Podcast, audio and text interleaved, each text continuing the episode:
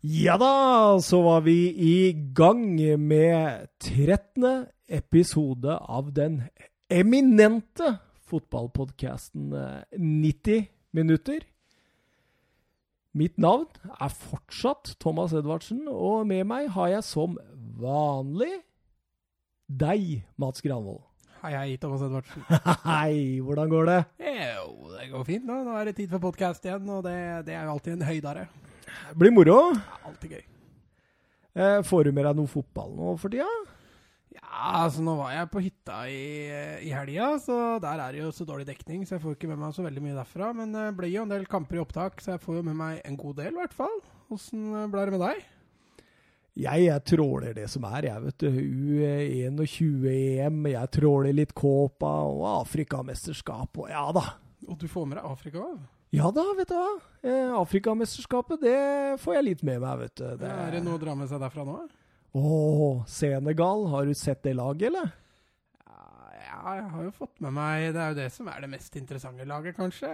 Elfenbenskysten, litt uh, Nigeria. Men uh, det er ikke noe jeg har satt meg så veldig godt inn i. Nei, nei det, er, det er nydelig. Da. Egypt har jo Sala og det er jo liksom uh, ja, Er det kanskje et av de mest uh, Hva skal vi si Et av de mest kvalitetsmesterskapene i Afrika på lenge? Jeg tror det. Det er, det er mange lag som kan melde seg på her. Ja, også med, også med tanke på antall stjerner.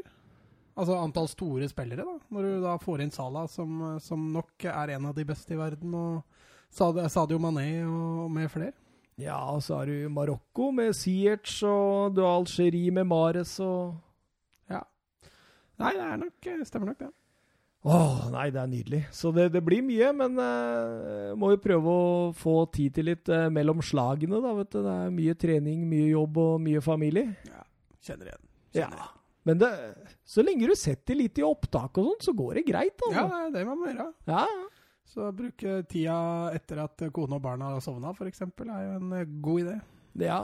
Så når, når samboeren min sa at ja, ja, det skal jo bli ålreit med litt fotballfri nå når Premier League var over, så da retta du deg fort opp.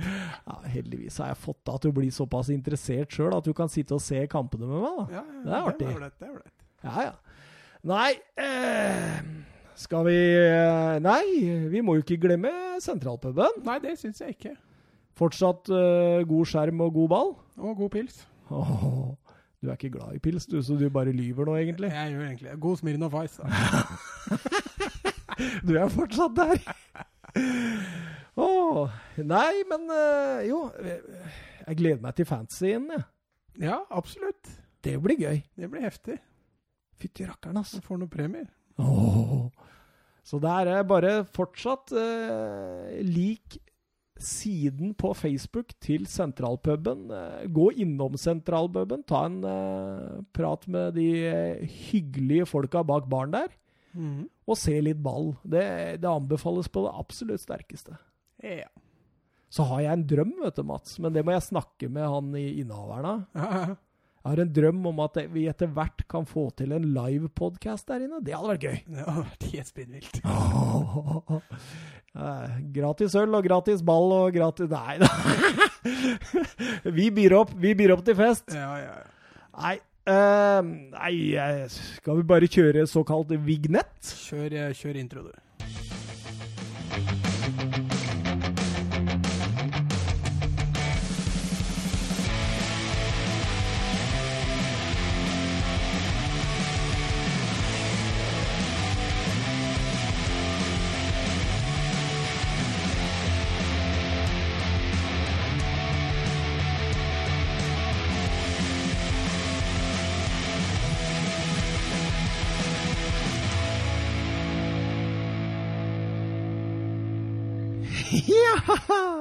Bare kjører på, vi.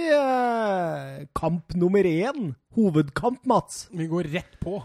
Vi kjører rett på. Ingen tid å miste. Belgia-Italia møttes i uh, U21-EM. Ja. Eh, jeg hadde store forhåpninger til denne matchen, altså. Ja, Italia hadde i hvert fall mye press på seg. De, de gikk jo på et bananskall så det sang mot Polen sist, så de, de måtte ut og rette opp.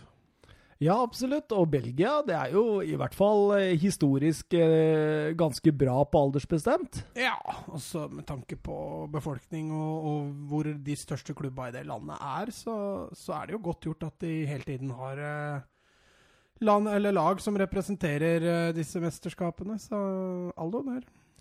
Ja da, ja da. Ehm, Belgia eh, ut i en 4-4-2. Eh, Luke Bakio på topp med Shrevers eh, rett bak.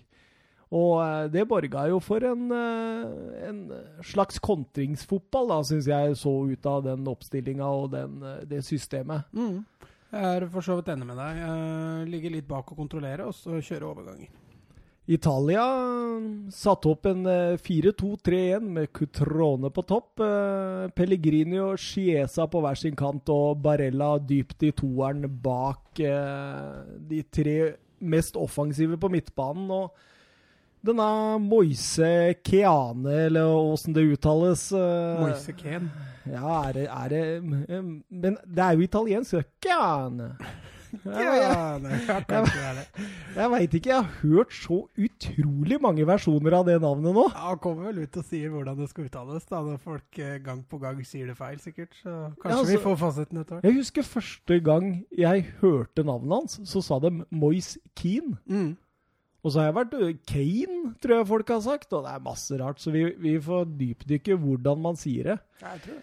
Men han var faktisk eh, satt ut for andre kamp på rad. Ja, han eh, Di Biagio ønsker åpenbart å prioritere Cutrone. Han eh, Det viste seg når kampen var i gang at det ikke var så dumt, men, eh, men eh, han får tillit. Ja, Han starta bare første kampen, og etter det så har det ikke vært noe. Nå snakker du om King Keane. Ja, Ja. Nei, han fikk prøve å starte mot, uh, mot Spania etter det, så han sitter på benken i to neste. Og så var jo utgangspunktet veldig sånn eh, spennende der, da. For eh, Polen hadde jo hatt eh, to strake seier og lå på topp i gruppa med seks poeng. Italia og Spania hadde tre poeng hver, og Belgia på bånn med null. Og eh, siden det bare er første lag i gruppa som går videre, og beste toer I, av alle de tre gruppene. i alle de tre gruppene, Mhm.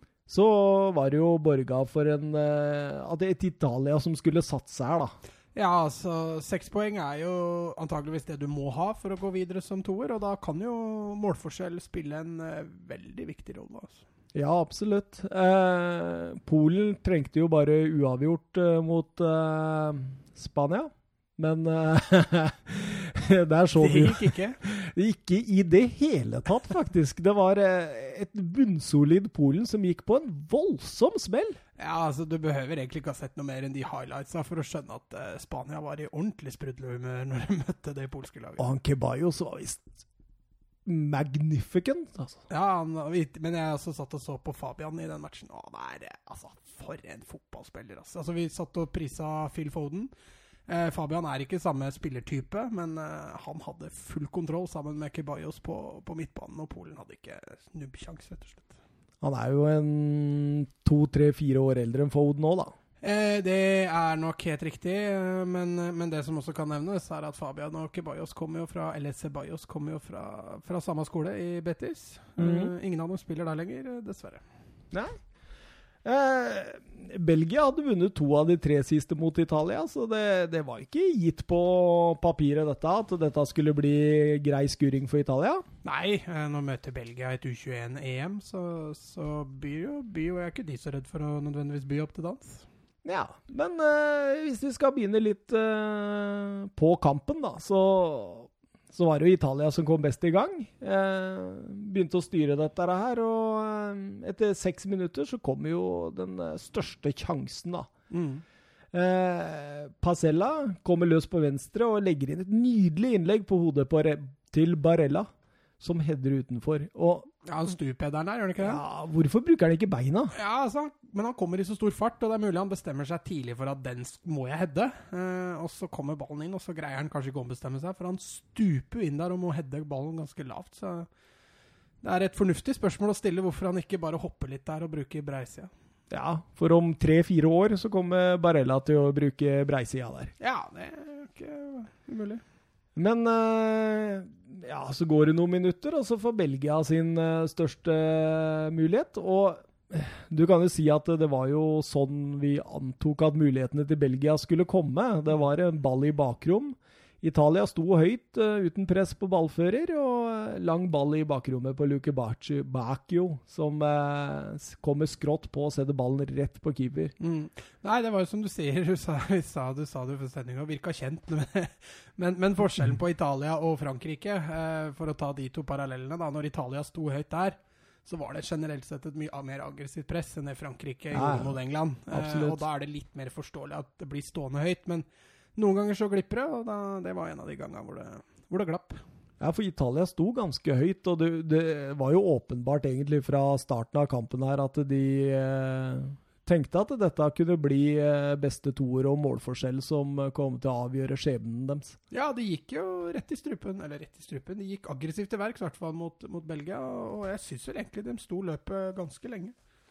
Og det som er litt moro, da, det er at det blir avgjort egentlig i løpet av sendinga her. Ja, vi sitter jo og følger med på, på Romania-kampen og, ja, og Frankrike. Ja. Eh, skulle det ene uavgjort, så, så, vil jo både Frankrike og Romania gå videre. Eh, du kan jo ta resten av scenarioet, for det hørte jeg i stad at du hadde koll på.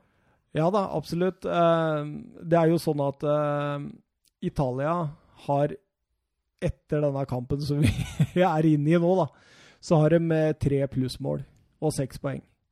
Nå foregrep vi begivenhetene veldig, men eh, Og eh, tre plussmål, det holder nødvendigvis ikke. Nei, eh, fordi Romania har, har så mye mer. Og, ja, de har fem. Så, men, men altså, så lenge det blir 0-0 eller uavgjort da, mellom Frankrike og Romania, så går begge videre. Uh, og akkurat nå så er det jo 0-0, og det er, det er bare 25 minutter igjen av matchen. Så vi kan jo gå tilbake på det på slutten av sendinga og se åssen det har gått. Ja, fordi kanskje i slutten av denne kampen her så er jo det avgjort, muligens? Ja, mest sannsynlig så er det jo det. Uh, ja. Og så etter de to sjansene, da, for å gå tilbake til kampen igjen, så, uh, så er jo egentlig Italia best. Uh, Be Belgia ligger lavt, 4-5-1. Italia forsøker å komme til med kombinasjonsspill inn foran stoppera, med løp inn bak. Eller mer direkte inn bak. De truer rom hele veien. Men det er ikke så mye rom å hente. Så jeg, jeg tenkte, hvorfor bruker dere ikke kantspillere mer? Brette ut spillet og få Belgia til å jobbe mer uten ball, for de kunne stå veldig og forsvare seg. da. Ja, Men det så du også når Italia skapte sjanser, både i første og i andre omgang for så vidt, var de gangene hvor de, hvor de kom rundt på kanten. Uh, og fikk, uh, fikk, slått inn. Kjempesjansen til Barella var jo nettopp en konsekvens av at de, de fikk dobla på kanten. Ja, og uh, denne stjernen Chiesa han pakkes godt inn. To-tre på hele tida. Ja, de hadde nok gjort litt forarbeid der, belgierne, om at det er vel the man to stop offensivt. Og han begynte å bli frustrert etter 30 minutter, han. Ja, han gjorde det. Han var ikke vant til å bli pakka inn så godt, hvis vi kan kalle det det. Nei, han var ikke det. Skikkelig hissig, og han uh, holdt vel på å uh, gå i en skikkelig krangel også etter 41 minutter mot Sealenbackers der, men uh, fikk roa det ned før det blei for ille. 43 minutter, og da kommer skåringen. Ja. Og det var jo selvfølgelig kampens store spiller, Barella. Ja, nå avslørte du trestjerneren din, gjorde du ikke det? Jo, jeg jo avslørte kanskje din ja. ja, men nei, eh, han er bra, altså. Ja, han er fantastisk. Han styrte nesten alt for Italia. Han var uh, den som satte tempo i matchen, og han var uh, mye av oppspill i frispillinga til Italia. Og det som er litt morsomt, du, det er jo at han er jo eh, linka knallhardt til Inter, som vi skal snakke litt mer om eh, seinere i dag. Ja, Tror du ikke han hadde passa fint inn i Conte-systemet? I eh, kanskje litt sånn Pirlo-rolle-typ? Ja, tror, tror han kunne blomstra der, altså? Ja, jeg tror vi kommer tilbake til det. Men Barella 1-0. Eh, Pacella, faktisk veldig bra kamp av venstrebekken. Eh, legger inn fra venstre. Eh, ballen kommer ned på, med snø på, men Pellegrini vinner duellen. Ballen faller hos Barella, som får to muligheter. Den ene setter på keeper, og den andre, Mats, den setter han I lengste. og det var et viktig mål, fordi ja. Italia begynte å bli ekstremt frustrerte på dette tidspunktet. Ja, men altså litt Altså, man forstår det jo på en måte òg, fordi de styrte mye av spillet, men de skapte jo ikke sånn Det rant jo ikke på med sjanser. Nei. Eh, men de få sjansene de skapte som var store, de brant dem. Og så, og så tror jeg nok de følte en viss frustrasjon på at Belgia var, den var tettpakka, altså spesielt rundt egen boks. Så, så når den skåringa kom, så var nok det veldig lettende å få den på hjemmebane der, og et håp in the hanging snore. Ja, og så Samtidig så får de jo rapporter på at eh, Spania driver og vasker gulvet med Polen. da. Ja. Så da, da får de jo et ekstra press på seg. ja, for å vinne gruppa så måtte de jo virkelig steppe opp. Og eh, ja, så går du inn til pause. 0-1. Det kunne vært mer. Burde kanskje vært i hvert fall én til. Eh, Vi snakker om den Barella-sjansen i starten der, og den han scorer på, så kunne det fort ha vært Burde det vært 2-0. Ja, og kanskje tre òg, for det var mye halvsjanser der en periode. Det var mye sånn tilløp hele veien. Ja, det mangla litt sluttprodukt, sånn som vi Ja. prata om med England mot Frankrike. Ja, det var var litt, litt sånn. var litt samme, men jeg syns ikke det var det ekstreme sjansebonanzaen som England eh, skapte mot Frankrike. Men, eh, men det var mye av det samme som Italia dreiv med i forhold til frispilling og, og, bru, og bruke kantene litt mer. Så tror jeg nok de kunne skapt enda større sjanser. Ja, for når de kom seg rundt på kantene Det var da de blei farlige, så jeg skjønner ikke hvorfor de skulle hele tida inn sentralt der. Nei, men altså når, når det er litt det som er, eh, er taktikken nå, da, at de skal brodere seg litt gjennom midten, så Altså, De følger kanskje trenerens plan. Uh, her er mulighetene våre, har de fått beskjed om på forhånd. Her skal vi tre oss gjennom. Uh, Ja. Og så følger de jo bare det de har fått beskjed om. De må jo ha gjort det. Uh, hadde planen vært å gå gjennom på kanta, så regner jeg med de hadde gjort det De, oftere. de satt veldig ofte opp trekanter i mellomrommet mellom midtbanen og foran stopper der. Ja, og det er jo veldig flott Ja. fotball å se på, når de lykkes. Og så skulle løpa komme inn, ikke sant. Barella skulle inn og Ja. Ja. Men, eh, nei, men, men når Belgia forsvarer seg såpass tett inn i midtforsvaret, er veldig korte avstander både fra mellom spillerne, men også mellom leddene, og da, da blir det trangt, altså. Mm. Og Italia sleit i perioder. Ja, men eh, så kommer de utpå, og ja, til annen omgang der, og da, Ja, Det var nesten så de gira om ett hakk Ja. til, altså. da, da kjørte de på. Da, da visste de at Spania leda på det tidspunktet 3-0 over Polen, og at eh, de lå an til, eh, i hvert fall hvis de bare vant 1-0, om å, å gå ut. Mm. Så nå var det bare alle kludde framover, og fikk rask uttelling òg. 52 minutter der, Cutrone. Ja, og for en uh, scoring. Åh, er, vi, vi har snakka om disse headingene, ikke sant? Ja. Luka Jovic, eh, Giroud Giro ja. og Lewandowski. Det var vel de tre vi ja. Og nå kan Cotrone komme inn der, for Ja, den var nydelig. Den, eh, altså Han ligner litt på Jovic-skåringa, men han slipper det ene skrittet bakover der. Han får bare Ja. stussa han. Og så er det litt høyere. Ja, så jeg, jeg rangerer vel egentlig ikke den helt der oppe, men, eh, men eh, God veld- nummer fire. Veldig close, altså. Ja, ja. Lengste hjørnet der etter eh, innlegg fra Pasella. Nei, fra Pellegrini, mener jeg. Det var Pasella. Så, så du han kom seg løs fra de to ned på Ja, men du Åh, så de gangene de fikk involvert Pasella offensivt. Ja. Han, eh, han var bra, han. Også. Han var skikkelig bra òg. Eh, så Cotrone der som har, Han har jo slitt litt altså Midtspissen i Italia, eh, selv om de har skåret en del mål, så har jo midtspissen vært litt sånn borte. Ja, så Du husker jo Italia tilbake på 90- og starten av 2000-tallet med, med Del Piero, med Totti og, og gutta krutt som herja på topp for, eh, for Italia. De, de har mangla dem de siste åra. De, de klasse stjernespillerne de, de har liksom uteblitt litt fra, fra Italia. Men eh, kanskje de har noe stort på gang nå med Gutrone og, Ken og, og uh, Chiesa. Så Og jeg, vet du, Mats, jeg er så gammel at jeg husker Salvatore Scilacci òg, med seks mål i Italia-VM i 90. Ja, ja, ja. Nei, det, det, er for, det er for tidlig for meg. Da var jeg bare fem år. Ja. Ah, det var da jeg begynte å Ja, forelske glemme meg. Roberto Baggio. Åh, oh, oh, tenk å glemme han. Ja, ja. Nei, Det var den tida da jeg forelska meg i fotball. Italia 90. Det det er liksom det første jeg husker av fotball. Ja, ja. Og Skilacci var en stor del av det. Sammen med Gary Lineker og den uh, gylne generasjonen til, uh, Men eh, til Mara Nederland. Maradona var vel også med i det VM-et? Ja da, ja da. Absolutt. Jeg mener å huske vagt. Men jeg husker, det- jeg husker liksom eh, bare om Maradona at eh, Jeg tror det var pappa som sa det til meg. Eller sånn, han er litt sånn klovn, han der. og der. Så det var, ja, men Han ble ikke huska for Nei, jeg fikk beskjed av Altså, pappa han er Liverpool-supporter. eh, Skikkelig Liverpool-supporter. Ja, jeg fikk beskjed i, eh, VM i Italia 90 om at eh, Gary Lineker og Paul Gascoigne var fantastiske fotballspillere. det er dårlig Og Mar. Maradona var klovn. Men eh, jeg kunne jo fort vært Liverpool-supporter ja, hvis han hadde jobba hardere. ja, du skal jo ha for at du eh, sto på ditt, i hvert fall. Jeg gjorde det. Ja. Ja, absolutt. Lærte det om Lineker, og det blei ikke noe bedre når, Paul, nei, når Erik Thorstvedt kom til klubben. Nei, det kan jeg tenke meg. Da bare Ja. Nei, For ikke vi snakke om Espen Bårdsen. Å, han, ja. Han som ikke han, han kunne ikke snakke norsk. eh, nei, på, på dette tidspunktet da, så styrer Barella og Lucatelli alt, og i et svært offensivt Italia. Tydelig snakka som sagt om målforskjellen i pausa, og de, de kjører jo på og produserer sjanser på halvsjanser på løpende bånd. Ja, men altså, én ting er å snakke om det i pausen. En annen ting er å gå ut på der i andre omgang og faktisk gjøre noe med det. Altså, Nå har vi snakka om de siste podkastene om Argentina, f.eks. Som trenger mål, og som må, må ofre litt, og så gjør de ingenting. Og så ser du U21-laget til Italia der bare gå ut og Jeg vil nesten si høvle over det stakkars, eh, stakkars Belgia-laget, for da fikk de kjørt seg. Da var det tempo i ball, det var masse bevegelse. Eh, I tillegg så virka det også litt som man hadde hatt litt fokus på at kanskje vi skal brette ut på kanten litt oftere enn det vi, vi gjorde første omgang.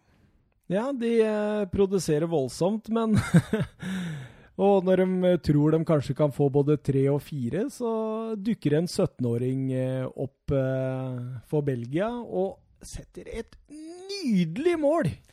Ja, vi snakka jo Jeg nevnte det når jeg snakka med deg i stad, angående at det ligna litt på Everton-skåringa til Brasil i, i Copaen. Mangla litt power, men eh, tok igjen det i enda mer finesse, hvis vi kan kalle det det. Utførelsen er jo helt utsøkt. Og det litt morsomme er at vi snakka jo om denne karen rett før eh, mesterskapet. Jeg hører du sier vi, men det var strengt tatt du som, som Ja, ja, ja. du skal få den. Eh, Få ballen ute på venstre der på en 17-18, og så er det ett, to, tre touch vekk, vekk med bekken og klinke ballen i krysset. Ja, sånn bue-bue med Ja. innsida. og- Keeperen eh, tar først et skritt til sida, men innser kjapt at det der, eh, dit når jeg ikke, så han blir jo bare stående. Og det, det er alltid deilig for en spiss å se de gå inn. Altså. Og det var en stor nedtur for Italia, men kudos til dem, fordi de fortsatte i samme sporet etterpå. Det kunne knekt en gjeng med unggutter, det der. Ja, mentalt visste jo Italia styrke der. Eh, De visste jo de trengte målforskjell. En eh, kontring imot, og så var de plutselig litt bakpå igjen. Men de, de, eh, de gira ikke ned.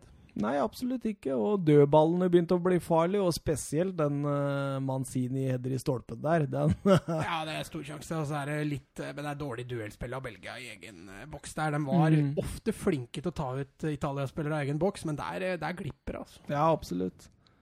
Men to minutter etterpå, da, så kommer Chiesa. Ja, frustrerende match for han, men eh, der løsna det endelig. Tonali, som vi også snakka om, eh, fikk et sjeldent innhopp. eh, Driver oppover, eh, finner Chiesa på venstrekanten, som klinker ballen opp i hjørnet. Ja, Det også var vakkert utført. Altså. Ja, ja. Nydelig skudd av en spiller som Ja, når jeg satte meg ned i hvert fall og skulle se den kampen, da, så hadde jeg ganske store forhåpninger, men Mm. jeg syns ikke han innfridde sånn veldig. Nei, altså hadde vi gitt fantasypoeng fra Spania-matchen når Italia møtte Spania, så hadde han vært en klink trestjerners. Og når du satt deg ned nå, så tenkte du litt det samme, at dette vil, vil bli bra. Men uh, han skuffa kanskje lite grann. Ja. Og så på overtiden der, så eh, så får vi det røde kortet vi satt og venta på under Ja. hele annen omgang. Han eh, trakk jo jeg fram før dette mesterskapet, så Jeg trakk fram ferseren, og du trakk en Benza, og så ser vi, ser vi forskjellen. Nei, det var Altså, det hagla jo med gule kort i den matchen. Han fikk jo to gule på ti minutter eller noe sånt. Må ha vært noe sånt nå. eh, Ja, det var kvarter. Han fikk det vel i 76. minutt eller noe sånt. Men eh, samme det, han eh, Litt urett, kan Ja. du vel si. Og da endte det sånn at eh, Italia blir nummer to i gruppe A med tre plussmål og seks poeng. Eh, Det så får vi se, da, eh, hvordan eh, stillinga blir mellom Romania og Frankrike. Og Ja, altså Det er 0-0, og når du ser de statsa der, så, så virker det jo ikke som de lagene er spesielt hissige på å gå framover. eh, de har tre avslutninger totalt hver. Eh, ingen av dem på mål. Så der ligger det veldig an til en 0-0-match, og kanskje litt sånn à la Sverige-Danmark i EM for et par år siden, hvor de nesten har planlagt på forhånd at her gidder vi ikke å gi så mye. Så Og- da ligger det dårlig an for Italia, altså. Og jeg som Jeg har vel aldri egentlig vært noe fan, Noen storfan av italiensk ball. Det er ikke det som har eh, vært nærmest hjertet mitt, men jeg blir oppriktig trist om jeg Det var det siste jeg så av dette Italia-laget i EM. Ja, jeg er helt enig. i Det samme kan Altså, jeg uh, kan jo si det samme om England. Ja, ja, absolutt. Altså, samme med den Romania-matchen, for så vidt òg. Altså, er- England har jo offensive mentalitet der, og det er litt synd at uh, England er ute. Og mm, sånn som det ligger an nå, så liker Italia òg, så det, det er litt Det er to av lagene som er morsomst å se på, i hvert fall. Og Ja. offensivt uh, best. Men som vi nevnte før, altså U21-EM er jo antageligvis det tøffeste U-mesterskapet å hevde seg i. og Kun førsteplassen i gruppa går videre. Det er, det er brutalt. altså. Det er det. Og én beste toer i de tre resterende gruppene. Ja, og så har du jo to kanoner i hver gruppe, da. Så når et lag som Romania overrasker svært positivt, så, så må, en av, må minimum én av kanonene vike plass. Absolutt. Skal vi eh, vi- kan informere hvordan det går til slutt mellom eh, Frankrike og Romania. Og så når den er ferdigspilt, Eh, ja. så tar vi fantasypoengene. Eh, ja. Skal du kjøre på først, eller? Jeg kan kjøre. Jeg Ja. har eh, tre italienere. Um, Ja. Jeg syns uh, hyller litt offensive. Belgia er veldig defensivt, uh, mentalt uh, innstilt i den matchen der. Til dels forståelig. De møter et lag som er mye bedre enn seg, men da hyller vi heller det offensive. Barella får, uh, får tre poenger. Han styrer det aller meste. Locatelli får to. Han, i likhet med Barella, er, er det en, de to som dikterer mye av tempoet i, i matchen for Italia. Eh, så jeg er det siste til, eh, til eh, Pellegrini.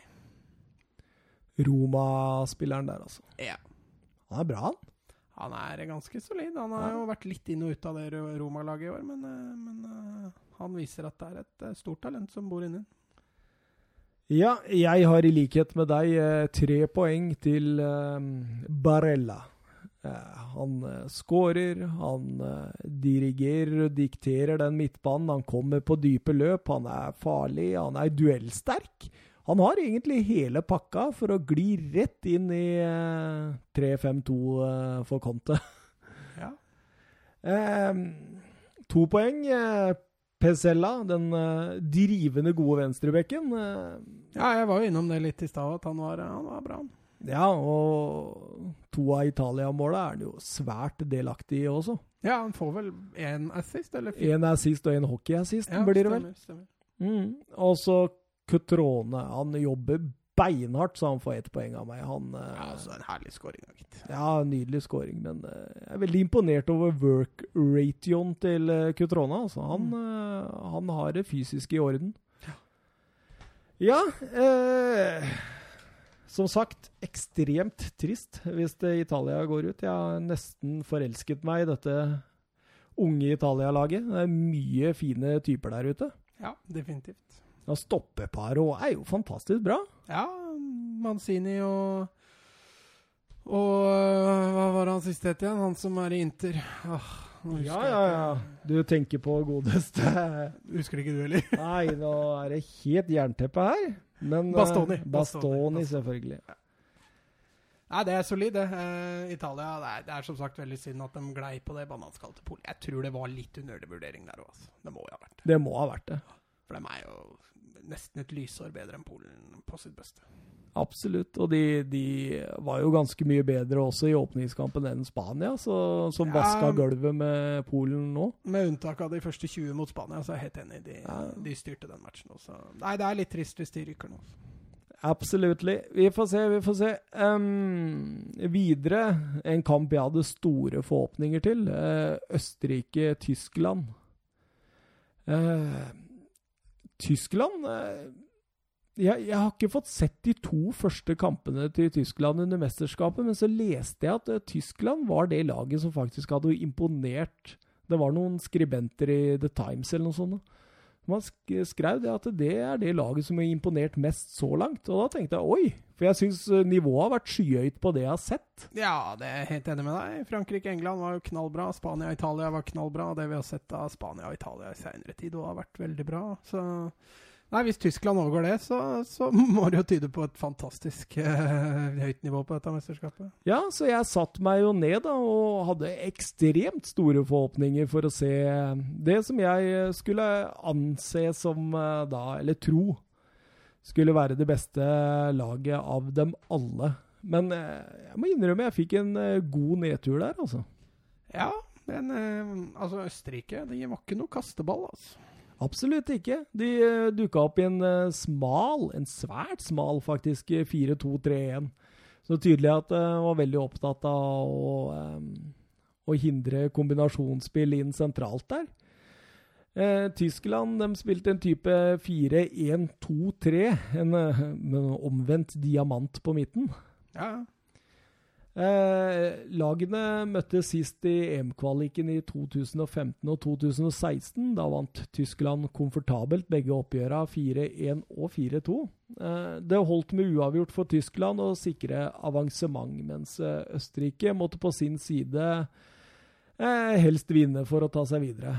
ja. Godt utgangspunkt, egentlig. Ja, absolutt. Så, og, og, det bar egentlig kampen litt preg av òg, syns jeg. At uh, Østerrike satsa det remmer og kluter kunne holde, mens uh, Tyskland var litt sånn høye skuldre. Ja, det, men altså, all kudos til Østerrike. De, de har et svakere lag på, på papiret, men, men innstillinga mentalt for, for, Østerrike i den matchen var uh, skulle nesten tilsi, tilsi, noe annet, men Østerrike hadde et resultat de måtte spille for, og, mens Tyskland kunne være litt mer avventende. Vet du hva vi skal gjøre etter eh, EM-finalen U21? Nei. Vi skal sette opp på All Star-laget. Det ja, beste det, laget. Det skal vi definitivt gjøre. Fordi det, det, det, det har vært voldsomt mange gode spillere der. Ja, det burde vi også gjort litt med, med det, det, glemte vi å gjøre da sesongen var ferdig på de forskjellige lagene. ja. Da, ja da, ja da. Det er, det er, mye å snakke om, vet du. Ja, det er det. Tida går så jækla fort. Ja, eh, ja, jeg vil si at uh, Østerrike åpna egentlig best i denne kampen, og produserte også den første sjansen der. En god sjanse da Balic uh, kom ned på dørlinja og legger inn foran mål. Uh, det er helt utrolig at ikke du to-tre spillere inni der klarer å få satt en fot på den, men ballen glir gjennom feltet der. En stor sjanse, det. Ja, det er, men igjen, da. Litt til det med sluttprodukt. Ja, Kalajic eh, fikk sjansen på topp. Eh, endelig en svær brande av en eh, angriper med god fysikk. Og han skapte mye problemer for, for Tyskland. Mm. 14 minutter, og da kommer vel det som er kampens store høydepunkt, egentlig? Ja, og en utfordrer til turneringas mål til Phil Foden. Ja, absolutt. Et litt annet type mål. Litt annen type mål, ja. Kan hende at uh, den utfordringa blir uh, bra, den. Ja, det var fantastisk, altså. Og det er uh, John Luca Waldschmidt. Altså, den utførelsen av det skuddet altså, Det er nesten ikke tilløp. det er strak rist med et veldig reint treff. Veldig bra balanse i kroppen i det han skyter, og den ballen, den er Det er ikke så mye mer oppe i vinkelen før det treffer stang eller tverrlegger. Altså et fantastisk treff. Ja. Fra hvor mye var det? 25 meter? 30 meter? Ja, det kan bort, fort være mot 30, altså. altså. Altså, Jeg tror du kan si mange av de topp topp spillere i verden ville slite med å gjøre det der igjen. Absolutt. Det er hans femte mål på tre kamper, det.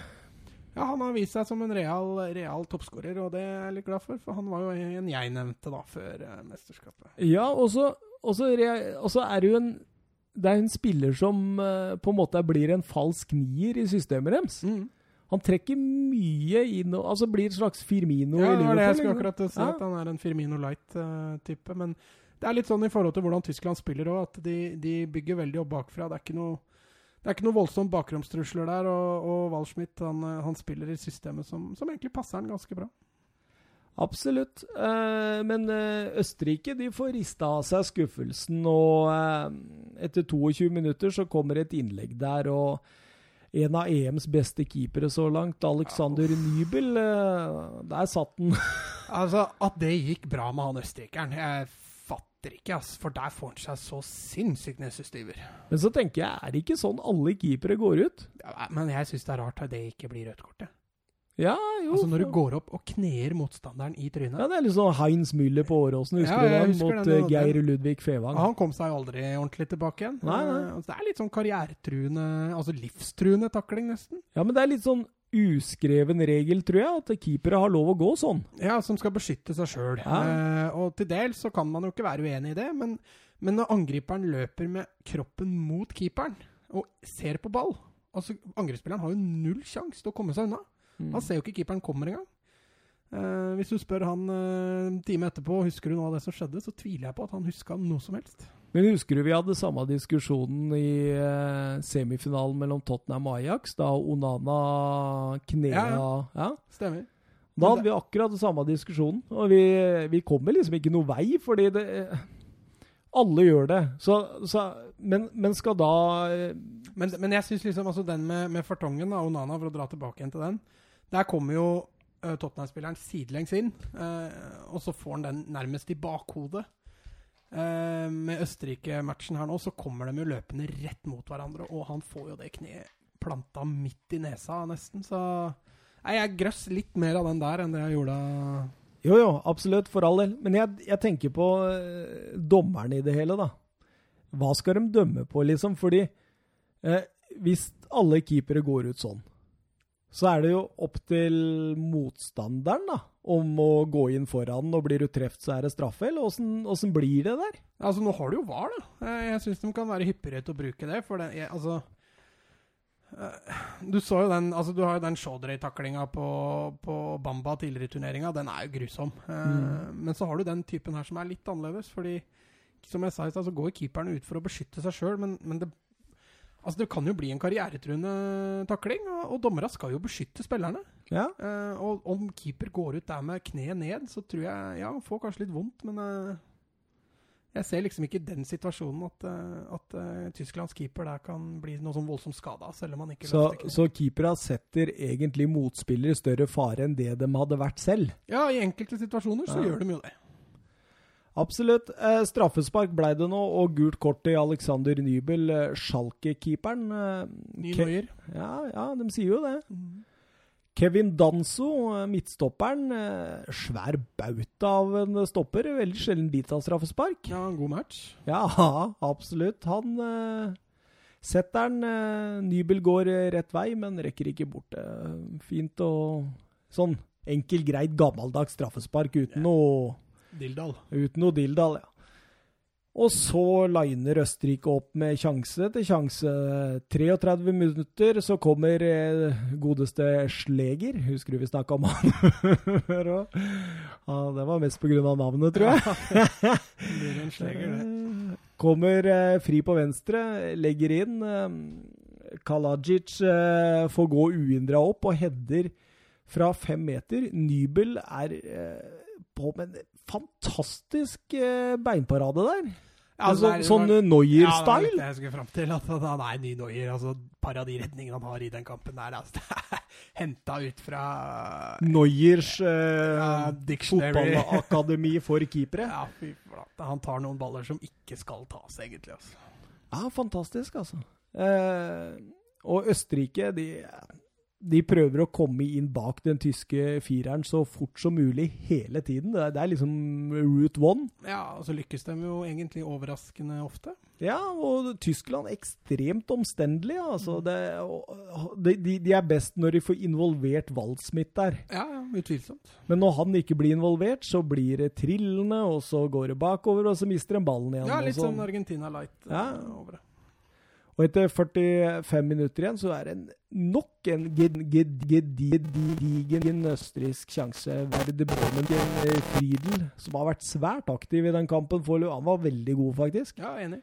Eh, kommer nedover eh, høyresida og legger inn med venstre, så han blir innoverskrudd. Og der, Nybel, der er du ute på skovtur. Ja, der var han ute og sykla litt. Og Kalajic han eh, header i utgangspunktet på åpent mål der, siden Nybel er satt ut av spill. Og treffer stolperota ut. Ja, det var det marginer der. Ja, det er marginer og Nybel der. eh, Det var ikke henta ut fra Neuers eh, fotballakademi. Nei, for, men det er jo litt det du får da med sånne offensive keepere. Du ser jo Ter Stegen nå i Barcelona og, Og Lori i, i Tottenham, altså de er ute og sykler noen ganger. Men det, men det, er noe du liksom bare får når du har de offensive keepera som er gode med ball i beina. De, de feilberegner innimellom. Sånn blir det iblant. Eh, de redder nok mer poeng av å være så offensiv i løpet av en sesong. Ja, enn, det tror jeg òg.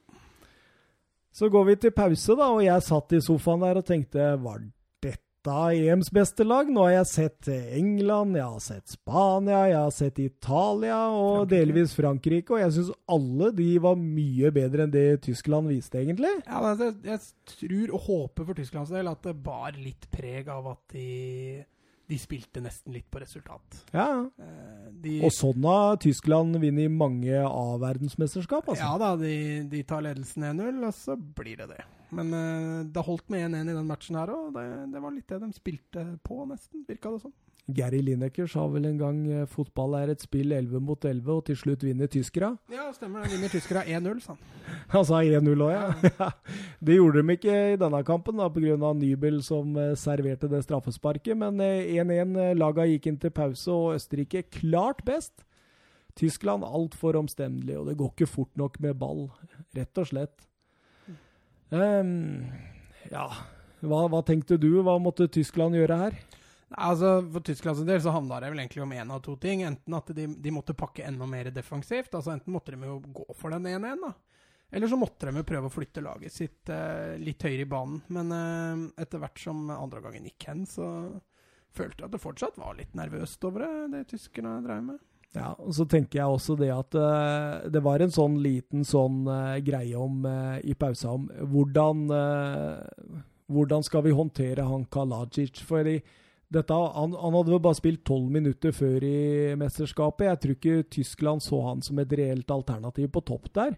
Så den blei litt sånn eh, De skjønte ikke helt hvordan de skulle ta han ut. Han var eh, svært bevegelig og god i oppspilla og eh, bevegelser som disse to tyske stopperne sleit litt med. Både Ta og Baumgartel der, som sleit med bevegelsen hans, altså. Ja. Det, altså, det blei jo først tellende når, når han var sånn inne i boksen til, til, Tyskland. Da så du jo hvordan de sleit med å plukke han opp. for han kom jo ofte til avslutninger i boksen.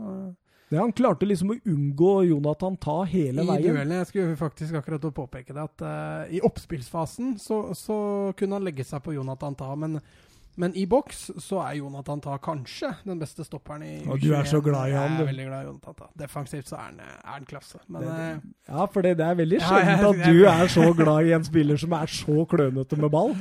Jeg skulle, visste du kom til å arrestere meg. Men offensivt, så spesielt den kampen her på Østerrike, så kløder han jo veldig innimellom. Ja, og grunnen til at jeg sier det, det er jo situasjonen etter 56 minutter der. en ny stor østerriksk sjanse. Ball lempes liksom litt på måfå. Eh, Jonathan Ta skal ha stor kontroll over den situasjonen der, med roter i mottaket, og ballen blir snappa opp. Og da, da kommer de faktisk alene mot Nybil, ja, altså. De gjør det. Eh, ny beinparade av uh, den nye Neuer, skal ja. vi bare kalle den det. Neubel. Neubel, ja. ja. Eh, 60 minutter, ja Det sjekker mye fra 60 minutter utover. Det er akkurat som om Tyskland nå finner ut at OK, vi gjør det Nå stenger vi. Ja, nå stenger vi. Nå holder vi ballen i laget. Vi eh, sikrer litt mer defensivt. De, de, de, la den ene midtbanespilleren litt dypere for å fange opp de oppspilla. Og de rett og slett drepte kampen der, altså. Ja, det var, men det var liksom altså, Tyskland imponerte ikke den matchen, men det de gjorde etter 60 minutter, det imponerte også litt. For det, ja, ja. når du greier det i en alder av 21 år, eh, du møter et lag som må skåre mål, og så greier du på, på den måten å kvele matchen. Uh, Østerrike skaper svært lite. Så er det en, egentlig en ganske stor prestasjon av Tyskland, som har hengt litt i tauene egentlig hele matchen fram til da. Ja, egentlig det mest, eh, altså det mest oppsiktsvekkende på mange minutter å snakke om da, det er jo egentlig at eh, Benjamin Henrich der eh, får sitt andre gule kort på å bytte ball ved et innkast, og mister da eventuell semifinalen. Ja, altså sitt andre gule kort i turneringa. Ja, ja. Han fikk ikke rødt. Nei. nei. Men nei, det, det, det, Så du den, eller? Ja, det var klønete. Uh, ja, men er det klønete? Nei, han, altså, han, altså, kommer litt an på hvis dommeren mener at det er en god nok ball så kan det jo hende at han gjør det for å drøye, og det må jo være det dommeren Ja, Men hvor mange sekunder tjente han på det? To? Tre? Altså, ball, ba, han Ballgutten sto jo rett ved siden av, så bare Ja. bytta han ball. og Det så ut som liksom den, denne ballen er våt, får jeg en tørr en, liksom? Ja, nei, altså hvis det er det som er tilfellet der, så, så er det jo veldig strengt. Uh, Ja, det var voldsomt strengt. Og det, det var litt, det litt- synd òg, for han var bra. Ja, Altså. Henrik er, er bra, men, eh, men samtidig også tenker jeg litt at kanskje dommeren var litt irritert. Jeg vet ikke om han hadde et eller annet etter Henrik. mulig, mulig han ikke venta på muligheten. Personlig nag. Eller gnag, som de sier i Paradise Hotel. Ja. Ja, ja. ja, kanskje vi skal begynne å dra inn noe ordtak derfra. ja, Star Truck og sånn. Ja, ja, masse gode Ser ikke, ser ikke så mye på det, de greiene der, men uh, jeg har lagt merke til det der eh, Nettavisa slår jo opp noen ganger sånne, sånne Det har de sagt og sånt, og den, den må jeg alltid inn og se på. Det er stor, stor humor. Eh, ja, men Østerrike totalt best i kampen. eh, Totalt best kampen sett under ett, Ja. da. Ja. Ja, absolutt. Etter 60 der så dreper Tyskland helt kampen. og jeg jeg prøvde å finne ut hvordan drepte de kampen. Mm. Og det, det er rett og slett at, det, at de legger én midtbanespiller litt dypere, sånn at han indrer i oppspillspunkta, sånn at du må nesten slå på duell. Mm. Så ligger eh, Jonathan Ta nesten i nærheten av han Kalacic hele tiden. Og hver gang de har ballen, så driver de ned tempo. Mm. Hele veien. Sånn at det ikke blir, det blir oppstykka. Det, det er en veldig artig måte å se hvordan de gjør det på. For du ser idet de bestemmer seg at nei, nå er det nok. Mm. Etter den eh, store sjansen der hvor Jonathan Ta roter, så, så produserer ikke Østerrike mer. Selv om de virkelig trenger mål. Og de, de gjør, jo alt de kan for å prøve å komme seg opp. Men eh, bare tempo bare ebber ut. Kjipt for oss som Jo, men altså var interessert i å bli underholdt. Da. Ja, spesielt det med tempo. Det, det er ikke så vanskelig å se, for du ser Tyskland tar seg veldig god tid hver gang ballen er ute av spill. Eh, de velger alltid det trygge framfor det utrygge, og, og da blir det jo gjerne litt sånne kjedelige matcher. da. Tyskland hadde jo også det beste laget på papiret, og når de har bestemt seg for å ikke ofre noe så veldig mye mer, så Og som eh, svenske kommentatoren sa, de har et par ballskikkelige spillere i det laget der. Ja, det kan jeg være Og enig det, i. og det er jo et verktøy å ha når du skal drepe kamper sånn. da. Ja. Eh, Skal vi rett og slett eh, Tyskland videre, Østerrike ut? Skal vi ta fantasypoenga? Eh, ja. Eh, Skal jeg begynne, eller? ja, begynn.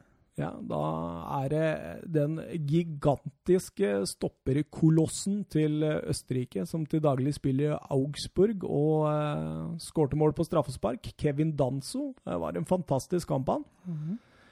Eh, ville bytte seg sjøl ut etter 70 minutter der, men klarte å bite tenna sammen og fullførte kampen. Ja, ja. Det var, det var kriger. Eh, Topoengeren går til Tysklands målvakt, og det sier jo litt egentlig om kampen nå, da. Når Tysklands målvakt får to poeng her. Ja, og så sier det jo også litt om hva han har gjort, da, når han allikevel har én tabbe og lager et Ja, straffespark, ja. og allikevel så får han eh, poeng. Så han hadde en eh, nydelig match. Ja, når du har en sånn tre-fire matchvinnerredninger, så er det jo klart det at du fortjener å komme litt opp på den lista. Og Alexander Nybel, den skal du få. To poeng.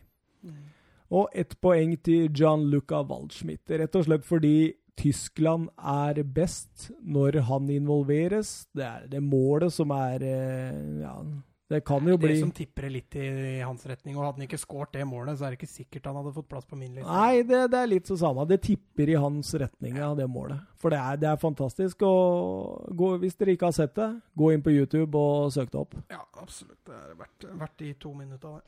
Skal du dra din eh, liste? Ja, jeg har jo samme spillere, bare litt annen rekkefølge. Jeg har, Oi, oi, oi, oi, eh. Jeg har Nybel eh, som én, faktisk. Eller tre stjerner, da. Uh, altså, hvis det er én keeper hva skal vi si, en keeperstil da, som underholder litt, så er det jo Noyer, Terstegen, Nybel-stilen. Ja, Eller Ederson, for så vidt. Ja. De som spiller fotball, selv om de står i mål. Absolutt. Og de redningene han har der, er jo bare Ja, det er høy, høy klasse. Eh, Danso med to stjerner. Han har en fantastisk match for Østerrike. Eh, og Waldschmidt da med, med én stjerne. Ja. Eh, når vi eh, så på eh, hva vi skulle ha som eh, program til denne episode 13 her, så så uh, satte vi Kåpan litt til side.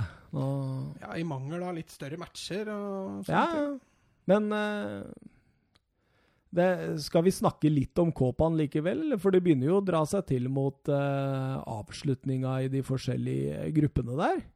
Ja, altså siden vi sist var inne, så har det jo blitt spilt en del matcher. Uh, Uruguay havna jo litt i trøbbel etter at de spilte 2-2 mot Japan og har press på seg.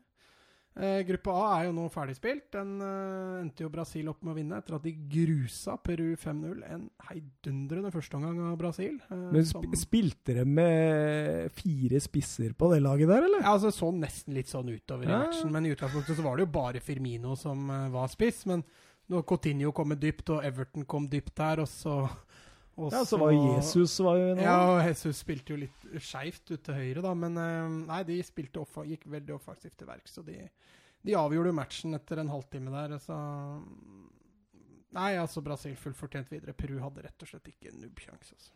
Venezuela som tar uh, følge med Brasil. Ja, det var jo ikke heller Altså, Man hadde jo kanskje sett på Peru som kanskje den nest sterkeste i den uh, gruppa, men uh, Venezuela de, de tippa det til sin, Salomon Rodon, vet du. sin fordel. Vant 3-1 over Bolivia.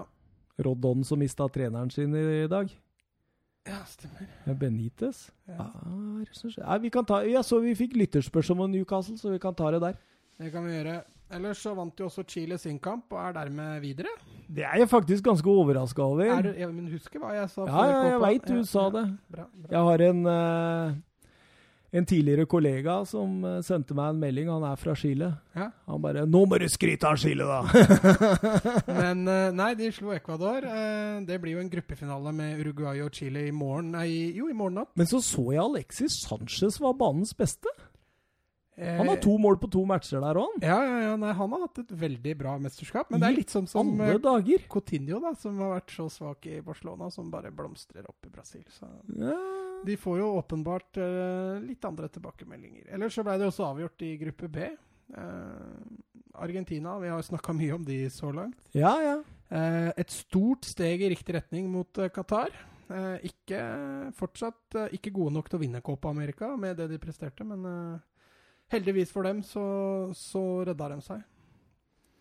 Og det som var litt morsomt, da, var at eh, etter eh, forrige match så, eh, så sa jo vi noen grep vi ville gjort med Argentina. Ja. Og det viser seg at Scaloni gjør absolutt alle de grepa vi sa. Ja, med unntak av å hente inn Banega, Banega Ja, og men det var jo litt umulig, da. så gjorde han faktisk alt det vi Ja, ba han om. altså, han eh, får inn Aguero og Martinez sammen. Han eh, får Messi en fri rolle bak de. Han eh, setter inn eh, Foyt som en ballspillende av de to stoppera. Og han eh, setter tilbake Saravia. Ja. Det var akkurat det vi sa! jeg flira godt når jeg så det. Altså. Ja, men det funka. Den Ja. aggressiviteten Argentina hadde i den matchen, har vi jo ikke sett tidligere i mesterskapet. Men du, han Lo Celso, han uh, skuffer meg litt. Ja, men igjen altså, så spiller han en slags indreløper. Uh, altså dette Kampen han hadde nå mot Qatar, var jo egentlig den posisjonen han har spilt mest i år. Så, så akkurat det var litt eh, skuffende å se. Men uh, ja, jeg er enig med deg. Han har hatt et uh, svakt mesterskap i forhold til forventningene. Og da gikk jammen Argentina videre, altså. Ja, altså Colombia, som også vi var inne på i forrige sending, så sa vi jo det at Colombia kommer til å hvile masse spillere. Og det gjorde og de. Det gjorde de. Men eh, Paraguay makta ikke for det. Eh, Colombia vant 1-0, og da havna Argentina på fire poeng, og det var nok, det. Tenk det, ja. Og da møter de jo Venezuela òg, så det er Ja, jo gode muligheter der også. Så det har ikke vært blitt så gærent allikevel, dette her, for, eh, for Argentina. Plutselig, vet du, så er de der i en semifinale, og alt kan skje. Ja, men fortsatt så må de opp et hakk, altså. Når du møter Uruguay og Brasil og Men Venezuela skal de ta, altså. Bør gå, Venezuela bør gå. Altså Hvis de fortsetter sånn de gjorde mot Qatar, mot Venezuela, så kommer de til å vinne. Eh, men eh, de må opp enda en hakk når de da møter eventuelt Uruguay eller Brasil i en eh, semifinale. Også. Og begge de asiatiske innslaga, de ryker, eller? Ja, Qatar er allerede ute. Ja. Japan har jo fortsatt teoretiske muligheter til å bli beste treer. Mhm. Eh, det blir jo ikke avgjort før i morgen kveld, som sagt. Men der også er det jo et veldig spennende utgangspunkt. Eh, du har eh, Chile møter jo som sagt Uruguay, eh, Ja. så det blir jo en ren gruppefinale. Okay.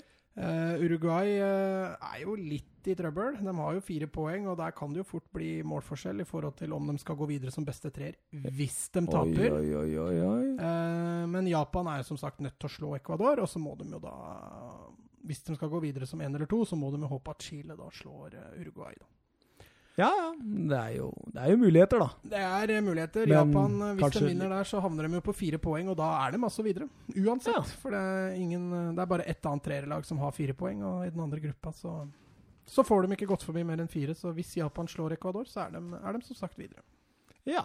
Vi får ta litt mer Kåpa igjen i episode 14. Ja, jeg syns det. Skal vi Er du ferdig med Kåpaen, eller? Ja, jeg kan fortsette å prate om Copaen, ja, det er ikke noe problem. Men eh, jeg Åssen var Messi? Ja, Du tenker jo da selvfølgelig på forrige match. Ja. Eh, nei, altså han, eh, han Han har ikke tatt det siste steget som han bør ligge på hvis Argentina skal gå hele veien. Han må opp enda et hakk, men han også, i likhet med Argentina, et hakk opp. Men jeg syns han sutrer fortsatt litt, for han Litt grinete? Ja, han er litt grinete, fordi han får ikke ballen. Han, altså han får jo ballen, men han setter veldig ofte veggspill. Og da Ja. får han aldri igjen ballen, sånn som han alltid gjør når han er i Barcelona.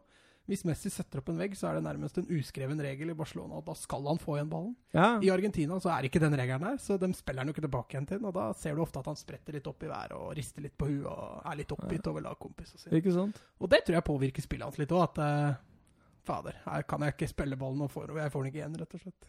Det er litt kjipt. Ja, Litt kjipt for en Messi-fanboy. Ja, ja, jo, jo, for all del. Men, men altså, jeg er litt opptatt av hva som er riktig og hva som er gærent å gjøre. For når du sitter og ser Barcelona, så er det ikke alltid jeg tenker at oi, der, der bør jo ikke Messi få igjen ballen. Det er jo helt feil å sette opp Messi Men du er jo en av de største kritikere til Messi når jeg ser eh, Barcelona med deg òg, da. Jo, jo, jo, helt klart. Særlig det, sitte defensive Ja. arbeidet hans. Han er jo helt håpløst, det. Men, eh, men eh, Nei, altså, jeg kan fint sitte og så, så se det at Nei, han, der burde han ikke fått igjen ballen. Men hos Argentina så får han jo aldri igjen ballen. Og Nei, det også blir jo litt feil. Ja. For veldig ofte når han setter opp en vegg, så, så er det jo også riktig at han skal få den igjen. ikke sant? Men eh, Nei, jeg føler litt mer frustrasjon til Messi på det, på det argentinske landslaget. For er, eh, han har ikke så veldig mange gode lagkompiser der, altså. Åssen klarte Foitza? Jeg syns han gjorde seg veldig godt, egentlig. Han uh, sto for mye av det vi allerede har savna. Høyere tempo i midtforsvaret, uh, bedre med ball i beina.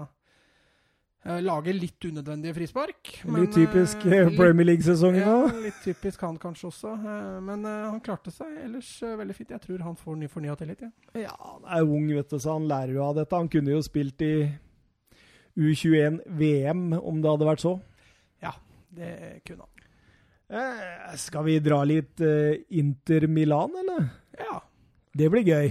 Eh, der er det litt å plukke, vet du. Jeg har jobba litt med det der. Ja, jeg hørte du sa det. Ja, ja, ja. Jeg Jeg jeg synes det, er, det, det, er, det syns jeg er veldig gøy, å sette meg sånn skikkelig inn i uh, troppene og litt sånt.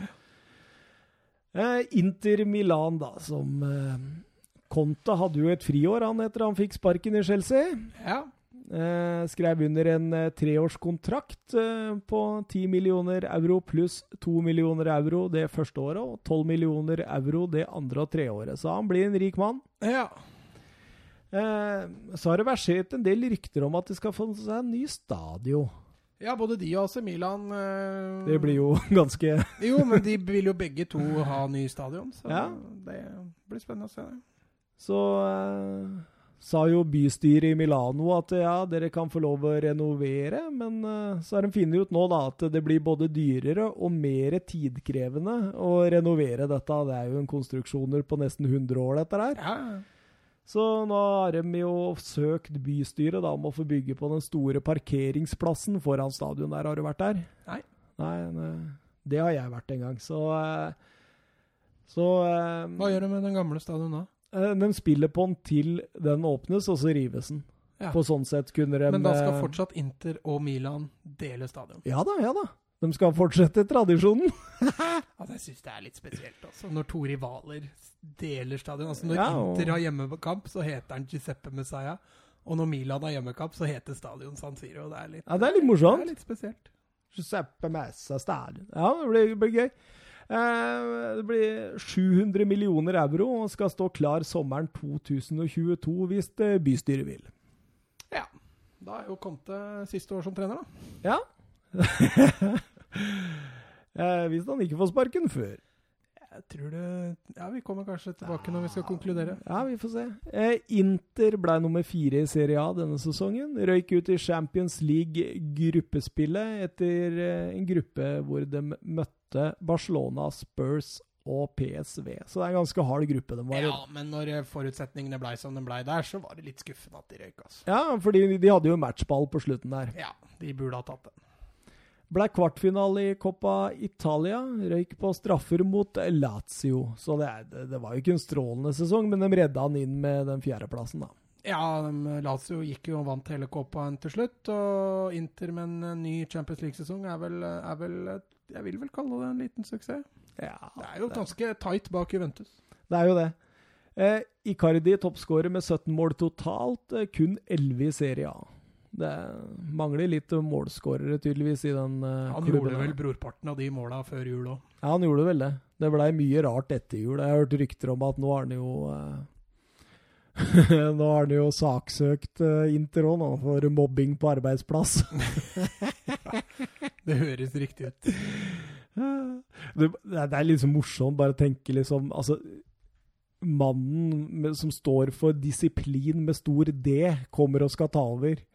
Og så, og så er stjernespissen Maurizio Icardi. Altså- Mauro Icardi, mener jeg selvfølgelig. Altså, det er, jeg mener jo, syns jo hele greia er litt tragisk. Jeg syns det alltid er så trist når så gode fotballspillere ødelegges av utenomsportslige tull, rett og slett.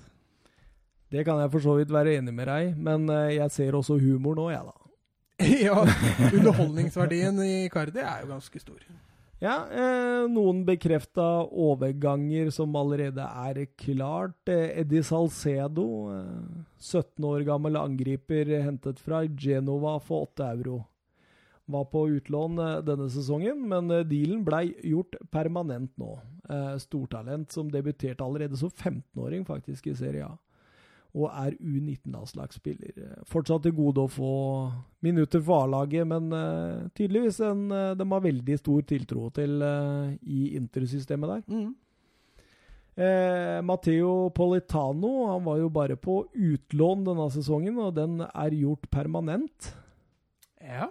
Eh, 20 Ikke- euro.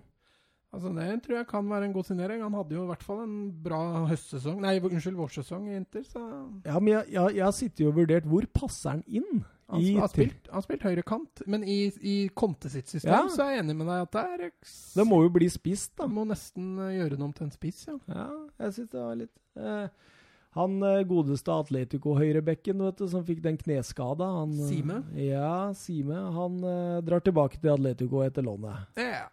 Oppnådde ti kamper i det oppholdet. Ja, men det var mye pga. skader, da. Men han var vel tiltenkt en viktigere rolle enn det han endte opp med å få. Han, jo- han kunne vært god nå, vet du, i den uh, wingback-rollen. Ja, men jeg tror, han, jeg tror Atletico vil ha han hjem igjen. ja.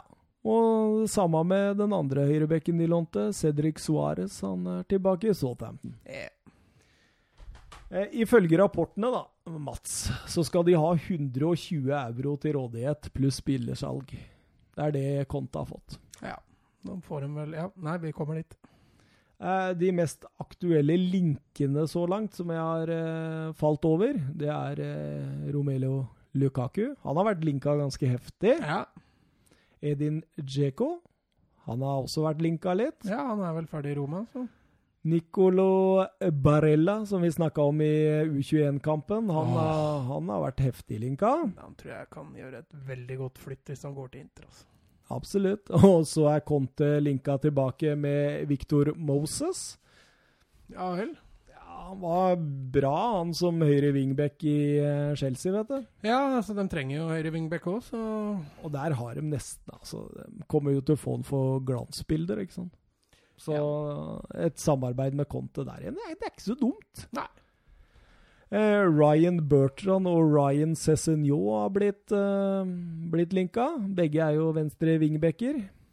Senjo har jeg vel ikke troa på, men Bertrand kan jo være en spennende signal. Jeg tror eh, Cézinho det blir litt for voldsomt. Jeg tror ikke han flytter til Italia. Han virker, virker som han er veldig sånn London-distriktet-basert type. Mm. Jeg tror han, han har vel allerede sagt nei til en eventuell overgang til Manchester United òg, så vidt jeg kan eh, lese. Ja. Eh, Marko Arnatovic er eh, linka. Ja, det er eh, Åh, hjelp meg litt. da. Bustham. Ja. det er jo han som lagde Han skulle jo til Kina, han vet du, så han er jo egentlig ferdig i topplokket som fotballspiller, han. Da har du mentalt innstilt på uh, sparegrisen. Absolutt. Mateo Kovacic er nevnt. Kan jo være en grei mann der. Ja, stemmer. Var det ikke fra Inter han ble kjøpt til Real Madrid? jo, jo. Stemmer det. Så om han skal hjem eh, Diego Godin Den har vi. Den, Du har jo meldt Den jeg har allerede klart snakka ganske lenge om, jeg. Så den, den bør jo snart være spikra, da. Eh, Marco Ascencio. Ja. Så du forresten pollen vår? Ja, ble ikke så overlegen Den- som du eh, trodde. Hva, hva i alle dager er det feil med folk der ute? Vet du hva? En time før den pollen stengte, så leda Asensio med én Nei, Jo, gjorde den? Jo, jeg gikk inn og jeg var sikker på at da tenkte jeg, åh, det blir så deilig å nevne dette i podkasten. Og så gikk jeg inn og var ferdig. Da hadde uh, Deli Alli fått to stemmer, da. Så da var det jeg liksom vant med Ja, én stemme, men jeg føler allikevel litt at jeg vant, for du gikk så sinnssykt høyt ut. Og ja, ja, men eh, det, det gjør jeg enda, jeg. Det- Jeg skjønner, jeg skjønner ikke jeg, det, det er- det er ikke i nærheten engang. Altså- Her har vi en spiller som har prestert i tre år på rad på et ekstremt høyt nivå. Som eh, er en av bærebjelkene i et lag som kom til Champions League-finalen. Som eh, har tatt Champions League tre år på rad i England. Som spiller fast på det engelske landslaget, og som alltid er en trussel i alle spillets faser, egentlig. Mot Jo. en som fortsatt er egentlig en uh, uforløst uh, Altså, jeg er ganske sikker på at det er en haug av Arsenal-supportere som bare skulle ødelegge den der pollen der, altså. men, men altså Ja, kanskje det er det. Men når det gjelder den sammenligninga, den sesongen som har vært nå, helt enig. Altså, Ascencio er, ikke, er ganske langt unna ærlig. Men fjorårssesongen til Ascencio var meget solid. Eh, han er ett år yngre enn alle, hvis ikke jeg tar et feil. Og jeg syns den spillertypen som Ascencio Hvor gammel er er Ett år yngre enn Ali. Ja, hvor gammel er det? 22. Ally blir 23? Jeg tror han ble 23 år. ja. Kan sjekke, kan sjekke opp. Men, eh, men jeg også syns spillestilen til Ascencio er litt mer underholdende å se på enn Ali. Ja, det syns ikke jeg. Nei, jeg kan tenke meg Du så den linken jeg sendte deg hvor han lekte rundt, eller? Eh, ja, ja, ja. Ja, ja. Eh, For all, altså, jeg Han har, en, han har jo en Ja, teknikk som er fantastisk. Du må jo høre etter, da. Jeg sier jo ikke at Ally er en dårlig fotballspiller. Det er det du sier. da. det er på ingen måte det jeg sier. Så, men eh, jeg syns det var litt gøy. Ja, at, Men eh, likevel, jeg, selv, jeg vant pollen. selv om jeg tapte pollen, så føler jeg, litt, føler jeg en liten seier, for du gikk så jækla Helt sånn avslutningsvis i dagens episode, skal vi dra en ny poll? Ja, jeg syns det. Vi må finne en spiller Ja, vi, vi finner ut av det vet du, i løpet av sendinga. Ja, ok. Eh, Federique Chiesa, eh, Manuel Lazarri og eh, Ja, det, det er vel egentlig de to siste. Jeg har funnet masse sånne der, uh, hyperlinka opp mot, da. Mm. Han eh, Lazarri er fordi de ser at de kommer til å slite litt på høyre wingback. Eh, de har vel bare én spiller der nå igjen, men det kan vi komme litt tilbake til. Eh, det, og så skriver jeg at eh, det, det vil bli overraskende om Conte kjører noe annet enn 3-5-2. Ja, det er jo det han kjørte i Juventus, og det var det han kjørte i Chelsea. Selv om han kanskje eksperimenterte litt grann i Chelsea, så blir jeg overraska hvis, hvis det blir noe annet. Ja, skal vi gå inn på hver enkel lagdel, eller? Ja. Keepere eh, Der har faktisk eh, De har faktisk fem keepere, altså. Ja. jeg gadd ikke å ta med han siste, en sånn unggutt fra Brasil som er på utlån til Parma. Men så har de eh, Samir eh, Handanovic, Daniele Padelli, Tomaso Berni og Raffaele Di Gennaro. Ja, altså Samir Handanovic er jo, er jo antageligvis Serie A sin beste keeper. Spør, det har vel vi allerede konkludert med, har vi ikke det? Jo, jeg tror det. Um, og så bak han så blir det jo rett og slett bare være et eh, være en backup, fordi jeg ser ingen av de andre være i nærheten av Danke-uttalen. Men jeg, jeg stussa litt på alderen, jeg. Altså til både nummer eh, to og tre der. Altså, her har vi Handanovic på 34, Padelli på 33 og Berni på 34.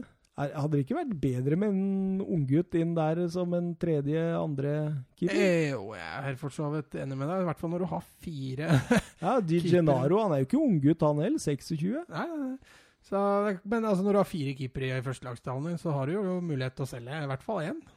Absolutt. Eh, men jeg, i notatene mine her da, så skriver jeg at de må snart begynne å tenke på fornyelse, selv om Handanovic holder noen sesonger til. Eh, men kan ikke se noe behov for umiddelbare utskiftninger i denne delen.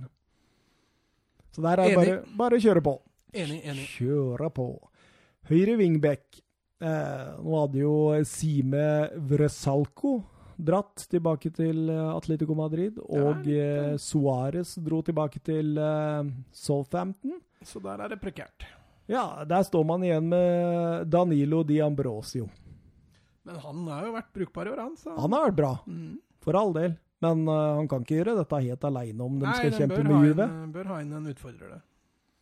Um, så tenker jeg liksom uh, Kan man prøve Politano der, eller blir han for dårlig defensivt? Nei, jeg tror han blir for dårlig defensivt. Jeg, eh, altså det er klart, Conte er jo en, fantastisk motivator og en veldig god coach, så, så hvis det er noen som får det til, så er det kanskje han. Men eh, jeg tror kanskje jeg hadde prøvd å omskolere en heller da til en spiss. Jeg tror det blir en kortere jobb, rett og slett. Ja, for jeg tenkte jo på det han gjorde med Victor Moses i Chelsea. Ja, det var Det var jo akkurat ja, ja. sånn. Det var litt det jeg skal fram til òg, men jeg ser jo på, på Men hvorfor bruker han 20 mill. euro på han da? Nei, jeg vet Det er litt rart. Jeg syns det er litt bemerkelsesverdig. Men da har han jo en plan. Da. Må jo ha det. Tenk hvis han dukker opp i en wingback-rolle der. Ja, det blir spennende. Det.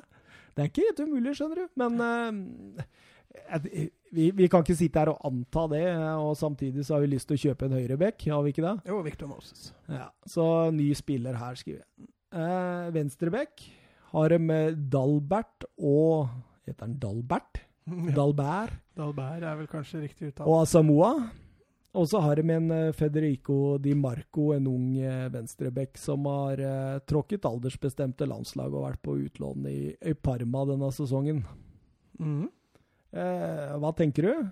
Altså, eh, Asamoa og, og Dalbert er jo Altså På sitt beste så er dette gode wingbacker, eh, men de også ha variert. Asamoa har vært litt inn og ut av laget. Eh, men det er, ikke, det er ikke den mest prekære plassen til Inter å forsterke det heller. Altså. Nei, men eh, hvis du ser eh, alle de som var linka, da, så Mhm. ser du det er en del venstrebacker der. Ja, Så det er jo Det er mulig det, åpenbart at de eh, Muligens at det har en viss til innspilling. Og samtidig så, så leste jeg at Dalbert kunne være på vei bort. Og Ja. da, da trenger de i hvert fall en uh, ny en, tenker det, jeg. det gjør de, da. For Asamoah han er jo ikke Det er, det er ikke verdensklasse vi snakker her. jeg, jeg tror eh, at eh, både Asamoah og Dalberg egentlig er sånne typiske andrevalg. Og så skal vi jo vi, vi, Dette er et interlag som satser nå. De skal ta igjen eh, den gamle dame. Ja, lykke til.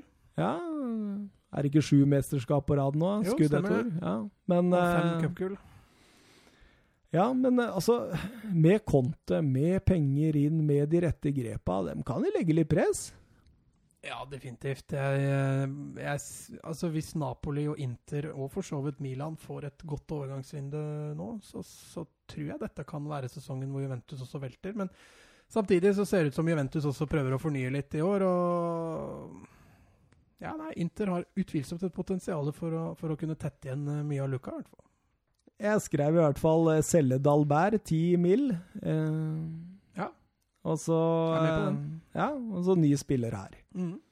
Så da trenger vi både høyre og ven- venstre wingback, da. Ja.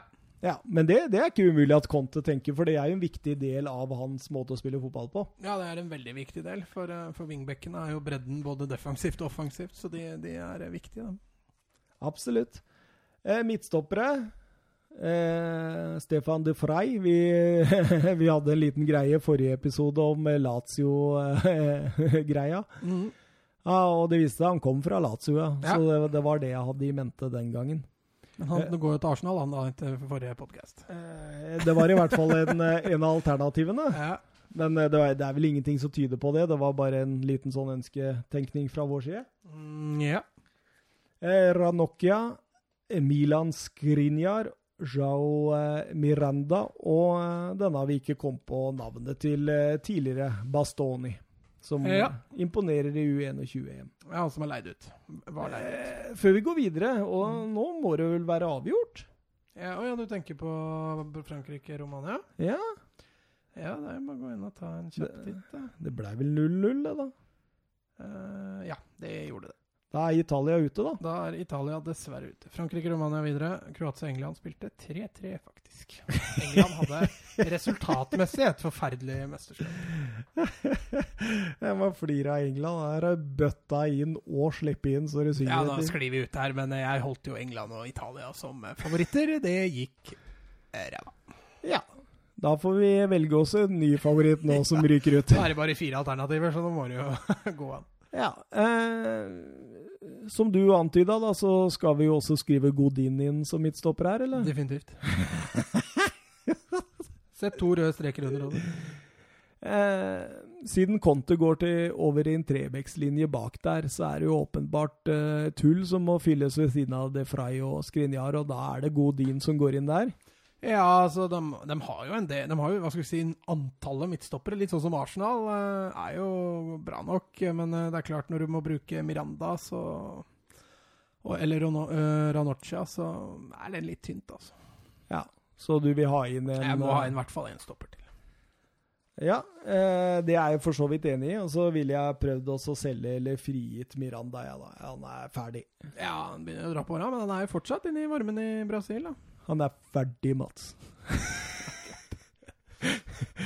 eh, skal vi skrive to eller en uh, ny stopper? Ja, altså Hvis vi kvitter oss med Miranda, da, da begynner det å bli tynt. Da, så det er mulig vi Hvis trenger- en av de to er Godin, da, så går det greit. Ja, for han kommer gratis. Ja. Så si to, da. Ja. Eh, sentral midtbane, der har de med eh, Vecino, Nangolan, Mario, Valero, Brozovic og Gagliardini. Eh, eh, normalt eh, spiller jo Conte med en litt mer sittende og to reine indreløpere. Ja, Det er ikke noe sånn utprega Jorginho-type i det laget der? Nei, det er, det er jo ikke det. Det er, altså, jeg, jeg tror kanskje Brozovic vil kunne ta den stabiliserende rollen, da. Ja, Sånn rent defensivt så er jo det en Mm. fornuftig løsning. Så blir det spennende hva han gjør med indreløpere. Fordi jeg er langt ifra sikker på at Nangolan vil ha en god fremtid med, med Conte. Nei, det er jeg enig med deg i. Den livsstilen der, det er ikke noe Conte fører opp med gullskrift, altså. Nei. Så eh, det er ikke umulig at han prøver å få skippa han, altså. Nei. Og men, men, men da står man jo igjen med Vecino Gagliardini, da. Fordi jeg kan ikke tenke meg at uh, Joao Mario og Valero vil spille noen store roller i det laget der. Altså, Valero er vel kanskje mest aktuell som en av de dype, vil jeg tro, da. Uh, han har helt klart offensive bidrag, han også, men uh, han er dyktig og tetter rom defensivt. Også. Jeg har skrevet 'Selden for småpenger', jeg. Ja, det kan jo godt være lurt, ja. Men, men jeg tenkte på en ting. Uh, Perisic, han nevnte du ikke. Nei, jeg, jeg, jeg, jeg, I forhold til venstre wingback, tenkte jeg bare på. Ja, OK. Det, tror du på noe der, altså? Ja, altså Med tanke på kapasiteten han innehar når han løper. Uh, han løper jo veldig mye, så Det er vel kanskje den eneste rollen han Ja, Kunne blir, jo bli litt som, det blir jo litt som Poletano. Hvor Ja, skal man jo, jo, bruke en sånn Men Mm. jeg ser jo Perisic har jo helt klart mer defensive eh, gener enn det Politano har. Så jeg ser heller han i en wingback-rolle enn eh, enn Politano. Men han hadde jo vært linka bort i to-tre år nå, da. skal ikke se bort ifra at han blir solgt. Nei, Nei vi får se. Um, ja, angrep, da. Altså, det er, det er jo litt sånn spesielt, for der kommer jo disse kantspillerne inn nå. Ja. Så da blir det jo Icardi, Lartino Martinez, Keita Balde Diao, eh, Matteo Politano, Antonio Candreva og Men- Perisic. Men Keita, han er jo på lån fra Monaco. Ja. Er det toårslån? ja, det ble jeg litt usikker på nå. Jeg har bare sett på squaden, jeg skjønner det. Men, men han, for så vidt så spiller han ikke noe så stor rolle. Jeg vil, jeg vil ikke tro han vil bli kjøpt derfra uansett. Fordi det, han passer jo ikke inn i kontofotballen overhodet. Men det gjorde ikke Politano heller, da. Nei, han gjorde, han gjorde jo ikke det. det er derfor det- Jeg skjønner egentlig ikke noe ut av det. Men fordi verken Kandreva, Politano, Keita Nå kan det godt hende han eh, har bare ett års lån, da. Og da er jo ikke det aktuelt i det hele tatt. Nei. Er jo spillere som er best som kant, eh, altså som kant utgang, utgangspunktet. ja. Mm. Eh, og da står de jo i utgangspunktet igjen med Icardi, som eh, Conte vil ha bort. Lautino Martinez, som er en bra fotballspiller. Og så Gabriel Barbosa. Han kommer tilbake fra lån. Han har vært i Flamengo denne sesongen og har skåret sju mål på tolv kamper. Aner ikke hvorfor han Men, spiller spilte så lite. Men det er han Gabigol? Er det Ja, det de kaller han? Ja, ja, ja. Han eh, kom jo for tre år siden for 30 euro, vet du. Det var jo, ja, husker du når Jesus gikk til eh, City? Ja. Ja, Det var jo de to på topp i var i OL eller noe sånt, noe, hvor de imponerte så voldsomt. Så gikk han ene til Inter og han andre til City. Stemmer, stemmer. Og dette er jo han ene. Han har jo forsvunnet helt. Det var jo i total fiasko den første sesongen der. Og så har han eh, drevet på ned i Brasil, og nå er, nå er han tilbake, da. Ja, ja, ja. Så det blir jo ekstremt spennende å se når han blir skippa ut, eller om eh, Jo, men det står her når jeg sitter og leser, eh, så står det at han er leid ut til Flamenco til 31.12.2019. Gjør det det, altså? Mm. Ah. Så Ja, ja. jeg tror ikke Inter kan belage seg på han eh, før til uh, januar. Nei, jeg tror ikke det er noe store Ikke noe trakt etter heller.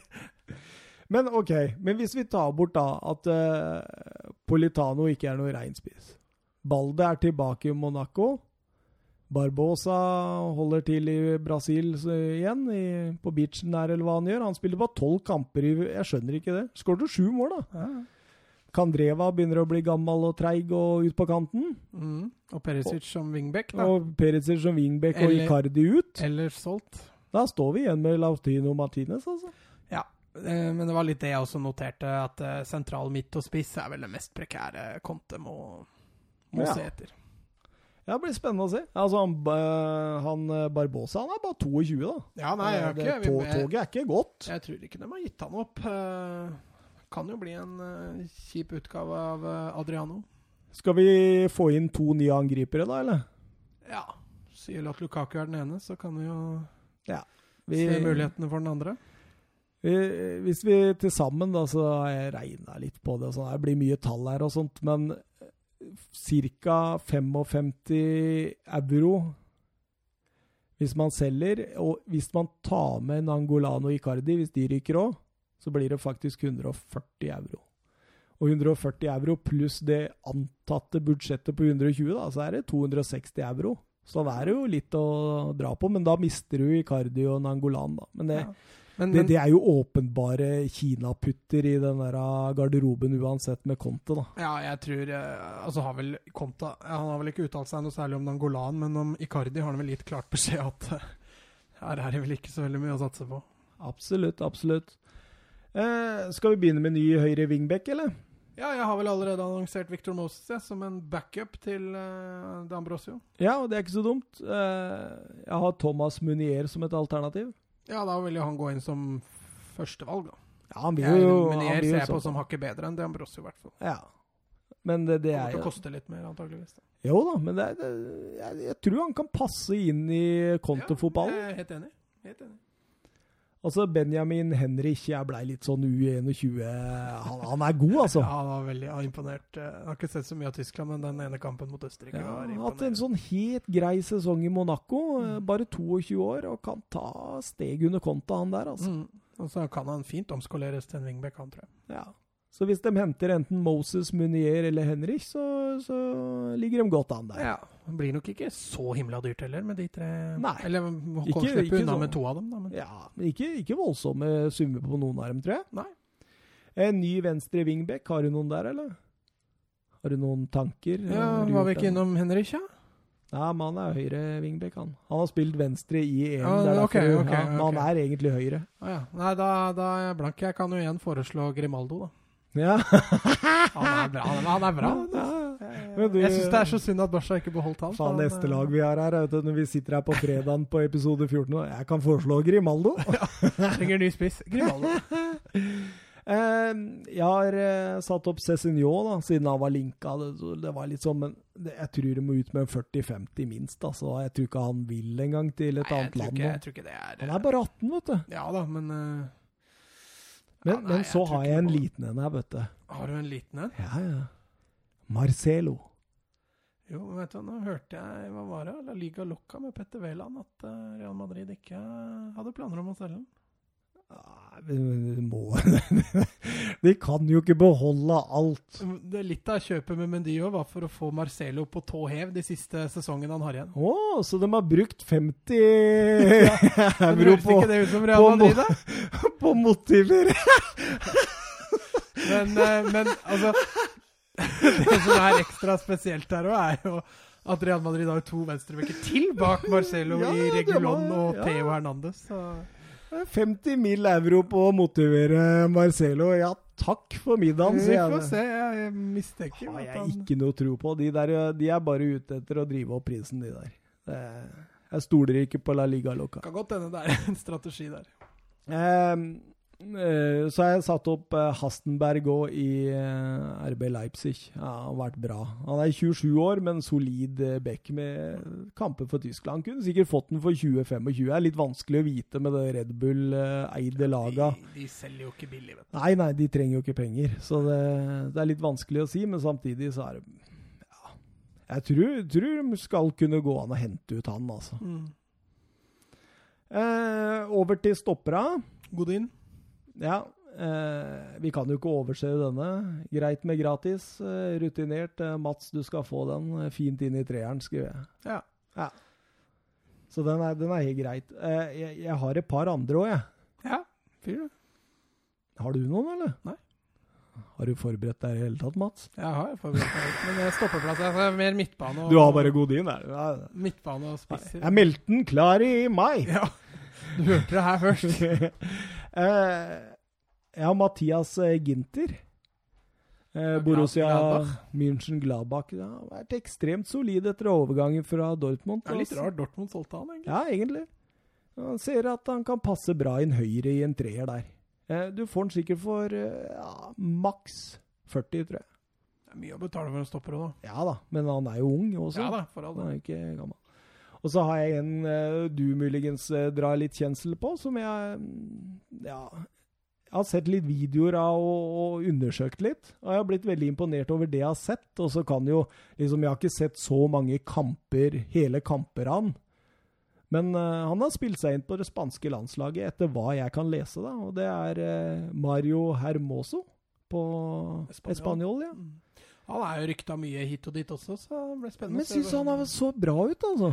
Nå har han vel ikke spilt seg inn på det spanske landslaget, men han har fått muligheter på det spanske landslaget. Ja, Tre landskamper nå, så jeg. Ja, altså Luis Henrique, nå er han ferdig, men uh, han eksperimenterte jo mye. Uh... Men, men er han litt sånn Ramos-type, eller? Ja, er ufin, det vil jeg ikke si. Nei, men Ramos litt kan sånn jo være litt ja, ja, men han men- er litt sånn kompromissløs type. Ja, litt sånn uh, Syns han har han, Så han starta vel i Madrid òg, han der. Han er jo Madrid-gutt, i hvert fall, fant jeg ut. Ja, Hermoso, tenker du på? Ja. Stemmer det. Så det kunne jo vært en interessant eh, type baki der. Ja, sett han ved siden av Skriniar, så blir det ubehagelig å spille spiss Ja. mot Inter, i hvert fall. Absolutt. Mario Hermoso. Eh, vi tar den, vi. Så da er vi på Eh, Godin og Hermoso. Ja, skal vi, skal vi ta det? For jeg Ja. tror Ginter kan bli litt dyrt. Jeg tror Hermoso kan du få for en 20-25. Det er i Ja, jeg vet ikke hva utkjøpsklausulen hans er, ja, men eh, det er jo blitt mer og mer vanlig i Spania at de ikke selger spillere sine for eh, mindre enn utkjøpsklausulen. Så det er jeg kan fort hende de må ut med godt over 30, altså. Og såpass, ja. Eh, to nye indreløpere har vi jo sagt vi har lyst på. Ja. Eh, Barella, den sier seg sjøl. Han har jeg også på min eh, Og jeg tror han kommer. 40? 40-ish. mm, Ja. Det høres riktig ut, det. Har du noen flere, eller? Ja, altså jeg er jo igjen landa litt på, på Rabi, eh, Rabiot. Penga sitter løst i Inter, så Men jeg Nei, jeg har vel ikke noe Jeg tro på hører at han er mer og mer klar for Juve jeg, nå. Ja, jeg også tror det. Jeg så også Juve nå figurerer med noen startoppstillinger der med Rabiot. Så kan mye mulig det stemmer. Ellers så har jeg også notert Tilemanns fra, fra Monaco. Jeg tror ikke du skal sette Rabiot sammen med Conta, altså. Nei, nei, er jeg, Jeg jeg tror- Det var, var litt mer for å spare penger òg, at du får eh, Men, men Tilemanns tror jeg kan være en fin investering i en Conte-spillestil. Jeg har faktisk Tilemann sjøl. Jeg tror akkurat det samme. At han kan fungere godt som i den indreløperen. Men du, du må opp i en 40 der òg. 40-45, tror jeg. Han Ja, gjorde det såpass bra i Leicester. Henter du Barella og, og Tilemann, så har du jo dekka, dekka det, da. Jeg har en til òg, jeg. Mm. Eh, en ungarer på 18 år. Eh, blitt fast innslag på Ungarns A-landslag. Mm. Eh, Dominik eh, Saboslai. Oi. Ja. Han spiller i RB Salzburg. Eh, fast der. Nok et Red Bull. Ja, eh, nok et Red Bull-lag. Eh, Et fantastisk slegge. En fantastisk tilslag. Ja, ekstremt godt driv. Han er oppfinnsom og kreativ og en typisk boks-til-boks-spiller. God én mot én og bra fart. Du kan sikkert få henta han ut for 25 ish, tror jeg. Det er vel litt lettere å hente fra Salzburg enn fra Leipzig, tror jeg. Det, det vil jeg tro. Mm. Og, og jeg har sett et par eh, Jeg husker den fra en Ungarn-kamp. Jeg husker ikke hvem det var mot. Ikke Norge, vel? Ah, jeg husker ikke. Det, ja, det kan fort være Norge, vet du. Fordi eh, det er ikke ofte jeg setter meg ned og ser på Ungarn. Arne bare 16 år, da. Nei, det var ja, Jeg husker ikke et. Men eh, jeg husker jeg liksom tenkte på den da, og så var jeg inne og sjekka hvor spilleren og diverse sånne ting. Ja, nei, jeg har ikke sett noen ting av den, må jeg være ærlig innrømme. Nei, det er Da stoler jeg på deg. Ja, absolutt. Så jeg tror det kan være en liten sånn wildcard, da. Eh, to nye angripere. Én hvis Icardi blir, skriver jeg. Men han blir jo ikke. Nei, jeg tror vi nesten kan selge han. Spørsmålet er hvem som vil ta i han. Tror dere de får Lukaku? Han er så linka, vet du. Det er liksom De overskriftene du leser nå, er liksom bare Nå signerer han, liksom. Så det er eh, Tenk hvis United kvitter seg med Lukaku og Pogba i samme vindu. det er tøft gjort. Ja, det er tøft gjort. Men eh, han er nå linka, og jeg tror han passer bra også i kontofotballen, som en av to framme der, ja, med wingbacker som får servert. Det tror jeg jo. Jeg tror han passer bedre inn der, med to, i tospann på topp, som vi har vært innom før. eh, hvor han kan dele litt oppmerksomheten med en annen spiss. Og med mye, mye rundt på kantene, så tror jeg det kan bli artig for Lukaku i Inter. Ja, og så tror du ikke han omtrent break even i overgangssum hvis de selger uh, Icardi? Jo. Så det kan være sikkert. fint bytte, det. Det kan ja, Jeg får håpe ikke Solskjær henter han, men eh, Altså Icardi. Ja, men han blir linka dit, han òg. Ja da, han blir jo linka hit og dit, han. Italienske klubber er sånn voldsomme på å sette opp et sånt bytte. Ja. Internt bytte. Det kan gå. Ja, de hadde ledd, altså. Hadde ledd. Det dynastiet til Solskjær. Nei, jeg, jeg unner ikke Solskjær det der, men uh, Icardi bare liksom sånn Du, nå saksøker jeg Manchester United. Ja, gjør det, gutten min. Saksøk meg òg, du. Nei, jeg får håpe ikke det der skjer. Men, eh, men Lukaku til Inter, det tror jeg hadde vært en god, god match. Ja. Eh, har du noen andre spisser du vil dra fram? Eller? For vi trenger jo flere. altså Laurtino Martinez er jo den eneste på en måte Men jeg tror, men jeg tror de to i tospann Ja, ville utgjort ganske bra. Altså Mm. Martinez som en litt møtende, Lukaku som, som en som strekker. Uh, og en Lukaku som alltid vil være først inn i boks, og Martinez kommer inn bak. Så jeg tror, jeg tror det vil være et veldig, veldig bra eh, spisspar, da. Ja. Eh, Med så- Politano som reserve, da? eller? Ja, igjen, da. Altså. Ja, det må jo eventuelt bli det, da. Men eh, Det er så vanskelig med Ja, de der typene der. sliter litt med å, med å plassere han. Politano. Men altså, eventuelt noen andre, da, så kunne, jo også, kunne de jo ha sett litt på f.eks. Divock Origi i Liverpool. Ja, Det er ikke sikkert han hadde blitt så dyr. Altså, Han blir jo backup i Inter òg, da, men eh, ja, absolutt. Nei, det, det er ikke godt å si. Jeg har, eh, det er en annen jeg har bitt meg litt merke til, som liksom var så ekstremt hypa for en to-tre år sia, men som fortsatt skårer en god del mål. Eh, Spiller i Torino, Serie A, Andrea Bellotti. Han har liksom ikke tatt det neste steget. Nei, jeg, jeg sånn skulle til å si Sasa, men eh, Ja. Simone Sasa, ja. Nei, uh, han har liksom ikke tatt en, det Nei, han har ikke tatt det Men samtidig så har han helt greie stats. Mm. Og han er, hva altså jeg husker jeg sjekka han mye opp i den tida han ble he- heavy linka til Premier League. Mm. Og han er jo en sånn type som kunne passa med Lukaku, han også. Ja. For så vidt enig med deg. Så det hadde vært en sånn morsom type Å henta. En som Conti sikkert hadde kunnet dratt litt uh, nytte av. Av. Og så har jeg satt opp hvis de ikke får Lukaku Hvis den dealen virker å være vanskelig, og, det, og, og, Conte liker jo å spille med én litt sånn stor eh, spiller Ja, på topp Da la meg få presentere Diego Costa. Nei Han, han er jo ferdig i Atletico Madrid. Hvor går han, da? Kina ok. Du, du ødela momentumet mitt nå. Så skal, jeg, skal jeg prøve en gang til, eller? La meg få presentere Aleksandr Mitrovic. Fra Fulham? Ja, Ja. ja, det du Ja, Ja, kanskje. Se for, han, se for deg han i kontofotballen, da, ved wingbacka som kommer og serverer han inn i boks der. Han mangler jo litt den, det tempoet da, til Lukaku inn i Ja, men det, det kan f.eks. Eh, Lautino Martinez. Da. så Ja, Han, er, han er møtende, han òg. Belotti. Origi- Di- Nei eh, Mange valg. Eh, hva tror du om eh, Conte og Inter? Altså, det, jeg tror Juventus kommer til å vinne. Eh, og da ligger det litt opp til Napoli, tror jeg. Eh, hva gjør Napoli? Eh, hvis de står forholdsvis stille på overgangsmarkedet, selger lite, kjøper lite, så tror jeg de går forbi Napoli. Hvis Napoli henter Hames og kanskje et par-tre til for å tette de hølene de har, så, så tror jeg Napoli beholder eh, andreplassen. Ja. Eh, prosit, holdt jeg på å si. Jeg sier ikke det når du hoster, kanskje? Nei, jeg, får noe dritt i halsen innimellom. Ja, ja. Nei, sånn kan det være. Nei, men jeg tror Inter blir to eller tre. To eller tre? Ja. Ja, ok. Jeg tror eh, Altså, Conte, vet du. Første sesongene hans, de pleier å være ganske bra. Altså, du tror de utfordrer? Ja. Ja, litt sånn, men det spørs litt på hva han gjør på overgangsmarkedet.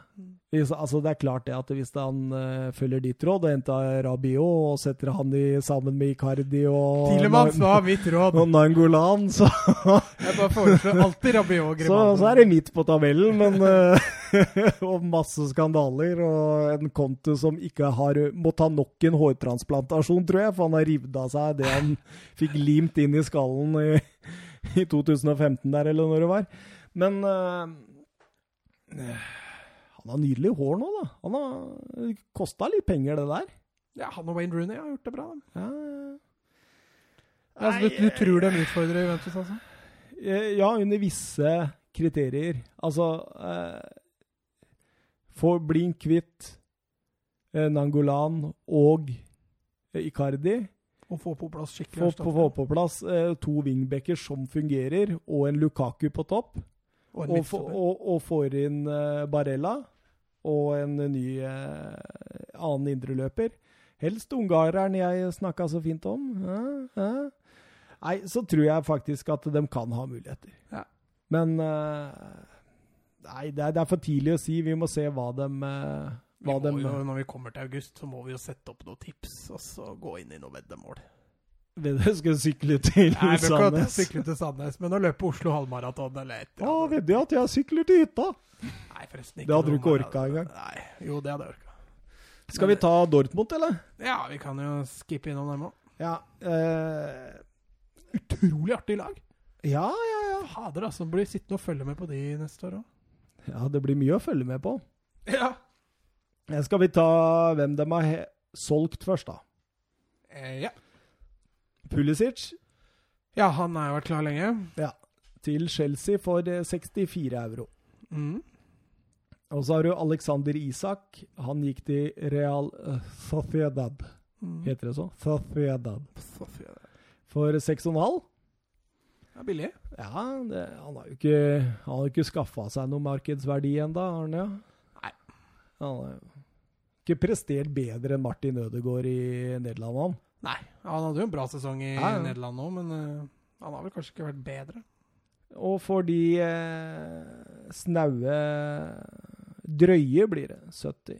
Så har de skaffa seg Hummels for 30 fra Bayern. En uh, Og det, det behøvde de. Jeg så litt på Altså, det, er- det er mye ungkalver som ikke er helt sånn ferdig. Kalver. Ja, ja.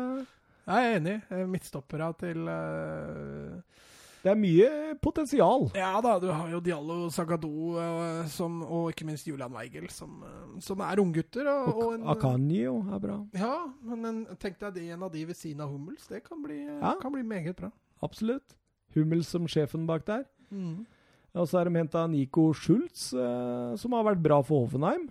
Absolutt. 25 Også et, euro, venstreback. Veldig spennende og billig kjøp. Ja, det er 25 for en eh, som har vært innom tyske landslag i ny og ne. Det er ikke gærent. Ja, var innom landslaget nå sist, seinest. Ja, absolutt. Azar. Eh, altså ikke Eden, men eh, Torgan. Også det er jo en veldig spennende spiller. eh, variert litt i Ja, han er jo han, det, altså, det er jo ikke en sånn spiller som du tenker at eh, der vinner Dortmund eh, seriegullet. Nei, Men, Men, eh, en på den- solid type på venstresida der. Men på den neste du nevner, så tror jeg fort de kan ha bikka litt mer i sin retning. Eh, Julian Brandt. Ja. 25 fra Leverkosen. 25 fra Leverkosen, altså! Ja, det er den utsalg, den klausulen hans, det, vet du. Men altså, vi satt jo og prata om Julian Brandt på slutten av Bundesliga-sesongen. Og vi Hæ? annonserte den jo både i Liverpool og Arsenal. Men uh, jeg tror han har gjort et veldig godt valg når han har valgt uh, Dortmund. Altså. Skal vi eh, Jeg, jeg har satt opp eh, laget nå. Eh, skal vi sette terningkast på hver eh, lagdel? Eh, ja. Da begynner vi med keeper, eh, som er Burki og Hits. Hits har jeg sett svært lite av. Ja, så- Men husker du ikke de enorme tabbene Jo. han hadde? Men igjen, jeg har sett svært lite av han, og det jeg har sett av han, er, er tynt. Uh, Burki er ganske solid. Ja, Så de ikke er- noe Nei, toppklassekeeper. altså, men, men de er nødt til å ha Noen han medium pluss. De er nødt til å ha han skadefri. Ja. Eh, hvis de blir eh, avhengig av hits, så er de litt i trøbbel, tror jeg. Eh, men eh, en sterk treer, svak firer. Ja, jeg er faktisk helt enig med deg. Det er ikke noe voldsomt, men det er helt greit. Eh, kunne kanskje liksom hvis de Altså, det er, det er forskjell på Noyer og disse to her. Absolutt. Så eh, En Ter Stegen bak der ville, ville gjort mye. ja.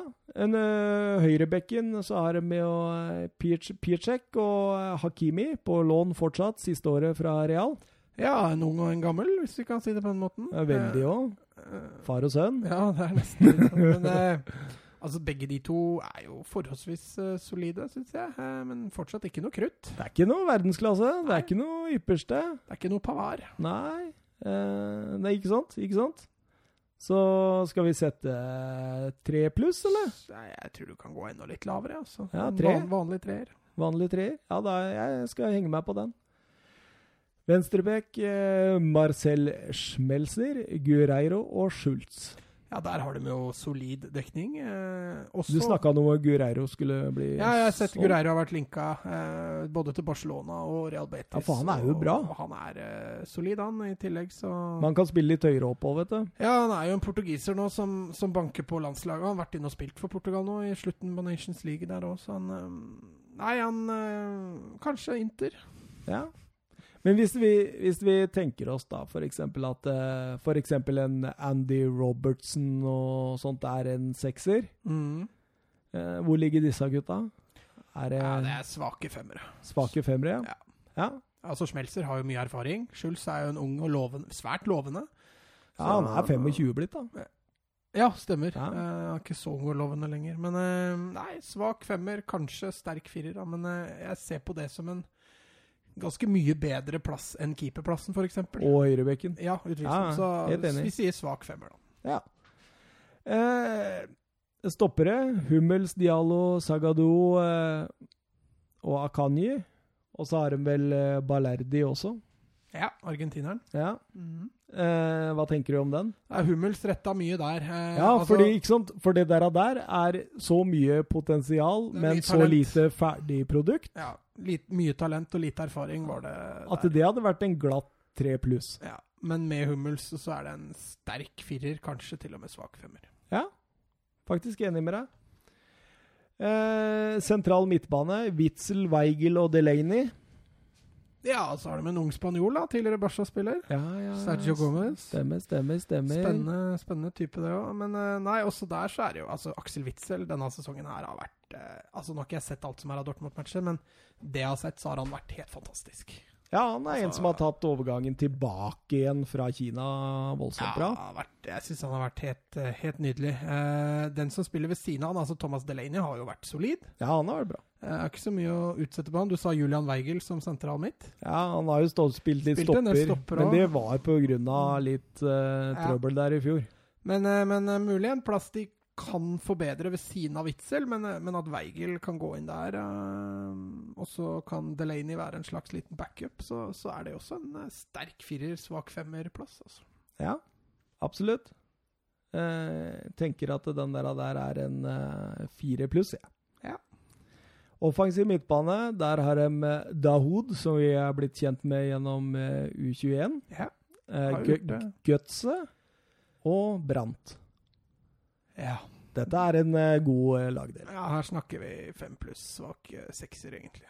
Altså, Ja. Gutse begynner å nærme seg eh, Middagshøyden, Ja, men han hadde jo en stigning i form i fjorårssesongen. helt klart. Eh, han kom jo tilbake fra Bayern som et eh, damaged goods, hvis vi kan kalle det det. Slakt. Eh, så han har spilt seg sakte, men sikkert litt tilbake igjen. Eh, så Nei, en sterk, sterk femmer, kan vi kanskje si. Ja, Så Julian Brandt har jo mye potensial i han òg. jeg sier rein femmer, jeg. Ja. Jeg er ikke så eh, Høyrekanten, Marius Wolff og Jaden Sancho. Ja, svak sekser. Ja. På grunn av erfaringa til Sancho. Ja. Hadde han vært to år eldre, så hadde det vært en soleklar sekser. Ja, helt enig. Ferdig med det. Verdensklasse, Ja. den kanten. Eh, venstrekant, eh, Brun, Larsen og Hazard. Ja, eh, jeg tror det at eh, de også De trekker jo gjerne Royce ut venstrekant for å Ja. trekke inn. Jeg tror da mistenker at du har den som spiss. Ja, jeg har det. Eh, men en Torgan Hazard inn der som gjør at Royce oftere kan brukes som spiss, eh, Mm. er nok ikke så dumt. Men, Nei, jeg tror det. Hvem var det du sa? Hazard og Og Brun Larsen. Ja, altså Han har vært god for Danmark i Danmark er imponert i U21. der. Ja, de kom nesten videre. Ja, ja. Jaggu to seire til var plutselig noen der venstrekant der, eller hva det var, som golla inn mål fra Genk. Husker ikke helt hva han heter nå. Nei, jeg tok det meg- Strøg Larsen! Nei, det var Larsen. ja. Nei, jeg tok meg litt off guard her, så jeg er ikke forberedt på det. Men nei, altså, Hazard på sitt beste er en femmer. Eh, Hazard eh, lavere der er, kan fort være en firerplass. Altså. Ja, altså Brun er jo veldig uferdig, og Hazard er veldig eh, Varierende. varierende. Så jeg vil gi fire pluss. Ja, enig. Eh, angrep eh, Alcacer, eh, Royce og Maximilian Philip. Ja, det er vel Det også er- Altså, Royce, hvis du setter han som midtspiss, så trekker jo han det opp veldig. Jeg tror de kommer til å bruke Sancho, Hazard, Royce ofte i den treeren foran. Ja, og så trekker Royce ned. Nei, altså Royce er spydspiss, Ja. Hazard venstre og San Sancho høyre. Ja, så da, hold- da blir det enten Brant eller Gutse. Ja, Brant kommer Altså, til å ligge bak der. Men han brukte jo Gutse som spiss også mye fjorårssesongen. Ja, som falsk nier, ja. ja. ja. Og Royce ut til venstre. Men, Men eh, hvor skal du putte Hazard, da? Nei, da må jo Hazard ut på benken. da. Men uansett da, hvordan du konstellerer den offensive fireren der, så må jo en av stjernene ut på benken. Jeg tror det blir gøy. Det blir gøy angrepsfotball. Ja, det er altså- mye fart og teknikk Ja, og jeg gleder meg litt til å se Ja. dette Dortmund-laget i fri utfoldelse. De, eh, som sagt uh... Men vi, vi, vi er bare på, det er bare én posisjon vi snuser på sekseren, og det er pga. Jaden Sancho. Ellers så, så ligger vi ofte på fire og minus fem her. Så det, Ja, er, det, er fordi- det, er, det jo mye jevnt. altså, er, Men det er litt sånn uferdig. Det er det som gjør at du Enten veldig gammelt eller veldig ungt. Ja, Men det er ikke noe Koman Lewandowski Det er ikke noe uh, Thiago Alcantara Det er ikke noe Det Nei, det er, altså, det er ikke, det er ikke De er ett steg høyere opp. Ja, men det er mye potensial der. Altså, gi, Hvis Dortmund da slipper å selge på to-tre år Gud bedre de kan ha med, med Sancho, med Brandt, med Hazard og med Royce der framme. Det kan bli hurra meg rundt offensivt. En Witzel bak der, og så få inn en ved siden av Witzel. Eller kanskje Weigel, når han tar det siste steget. Også de stopper av med masse potensial, og De har noen voldsomme talenter i akademiet ja, sitt òg. Han har jo han derre tolvåringen som ser ut Ja. som han er 20. Eh, så men, men Dortmund har alltid vært flinke på spillerutvikling. Vi sa jo det med Martin Ødegaard, Ja. at uh, kanskje Dortmund ville vært en fornuftig signering uh, for en tid tilbake. Ja, ja. Men eh, hvis du tror Inter eh, blir nummer to-tre, kanskje, etter Juventus, tror du Dortmund har sjanse til å ta Bayern? Allerede i år? Ja, men det kommer Eller- helt an på hva Bayern gjør. Altså, Vi snakka jo om det litt på forrige podkast, med tanke på at de mister Robben, Ribery, eh, James Rodriguez, eh, Rafinha eh, og hva heter han? Hummels. Hummels. Altså, de mist, altså Boateng er rykta vekk. Thiago er vel, Nei, Martinez er vel rykta litt vekk. Lewandowski er vel ikke helt happy. Så det kommer helt an på hva Bayern gjør på overgangsmarkedet. Hvis de nå blir sittende på gjerdet, og Pavar og Lucas Hernandez blir de to største kjøpa, så, så er de jo litt i trøbbel. Altså Gnabry Lewandowski skal holde hele sesongen offensivt. Det, og, og, og, jeg liker han Koman, jeg. Og Koman. Jeg liker han, ja. Altså. Ja, bra. Jo, men Gnabry og Coman er jo også unge, da. Mm.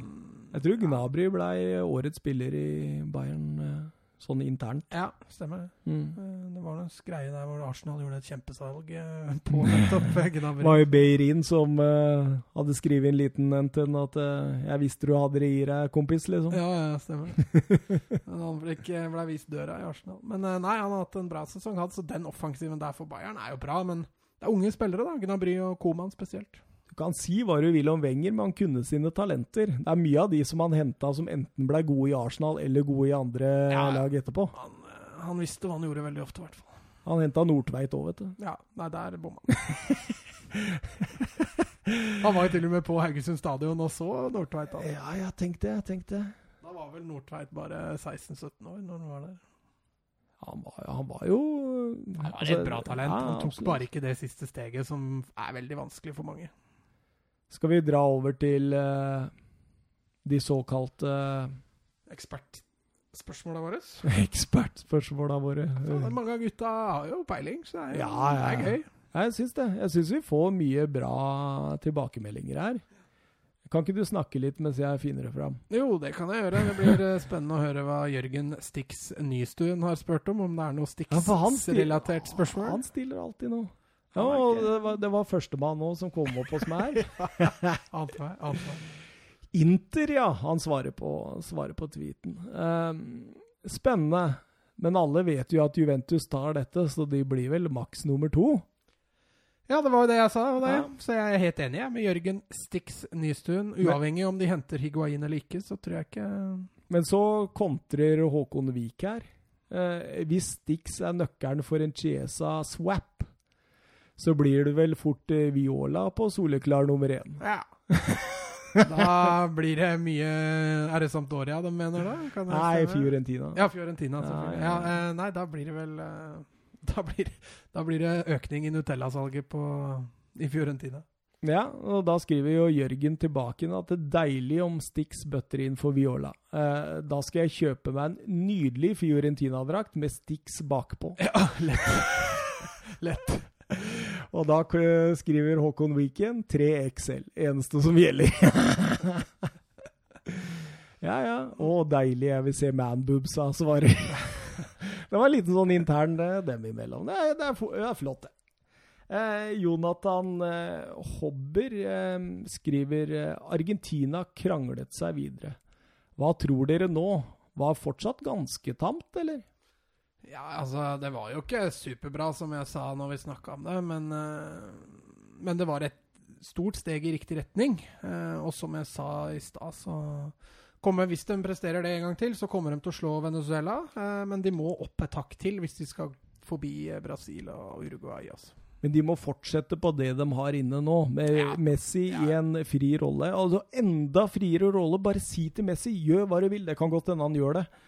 Og så, og så de, de to på topp, Aguero og Martinez. Bare dyrk de to. De skårer mål. Han ene møter, han andre river. Ja.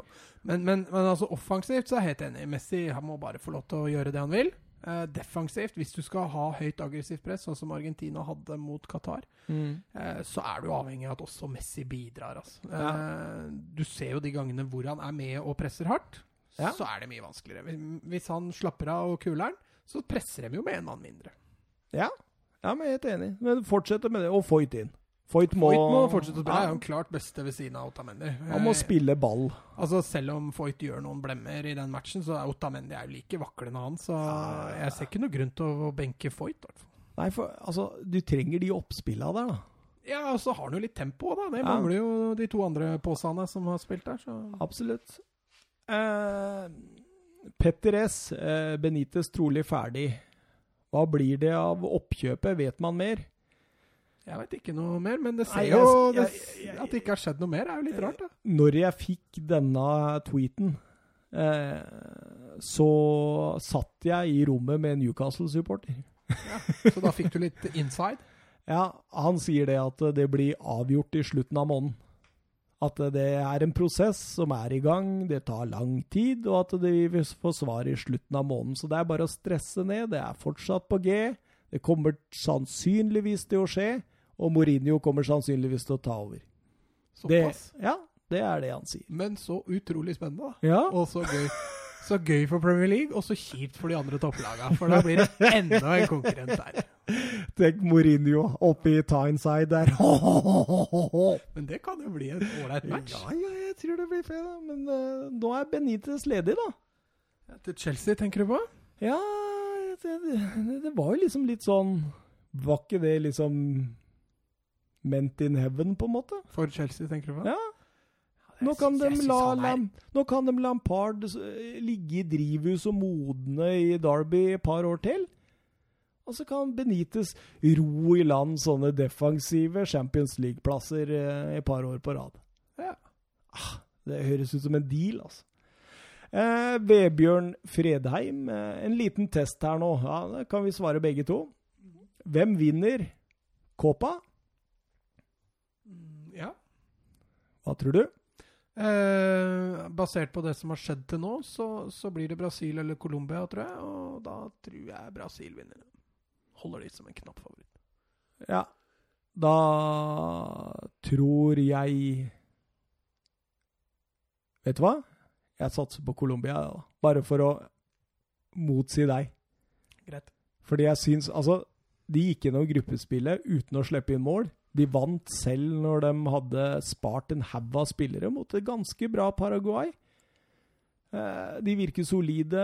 Jeremina Sanchez baki der, eh, godt organiserte. Ospina syns jeg spiller bra fotball baki der. Også Zapata helt framme. Ja, ikke sant? Og Ja, Hames det er et og eh, fantastisk Og landslag. og så er det så typisk at Brasil snubler når det som mest gjelder. Jo, jo, men i VM så er det jo ofte mot europeiske lag, da. Nå har de, de får jo ikke møtt noen europeiske lag nå, så Nei, men jeg, jeg, jeg, jeg, vil bare ta den sjansen, føler jeg. Ja, nei, Colombia. Jeg er fullt på øyne. Jeg tror, tror de har sjans.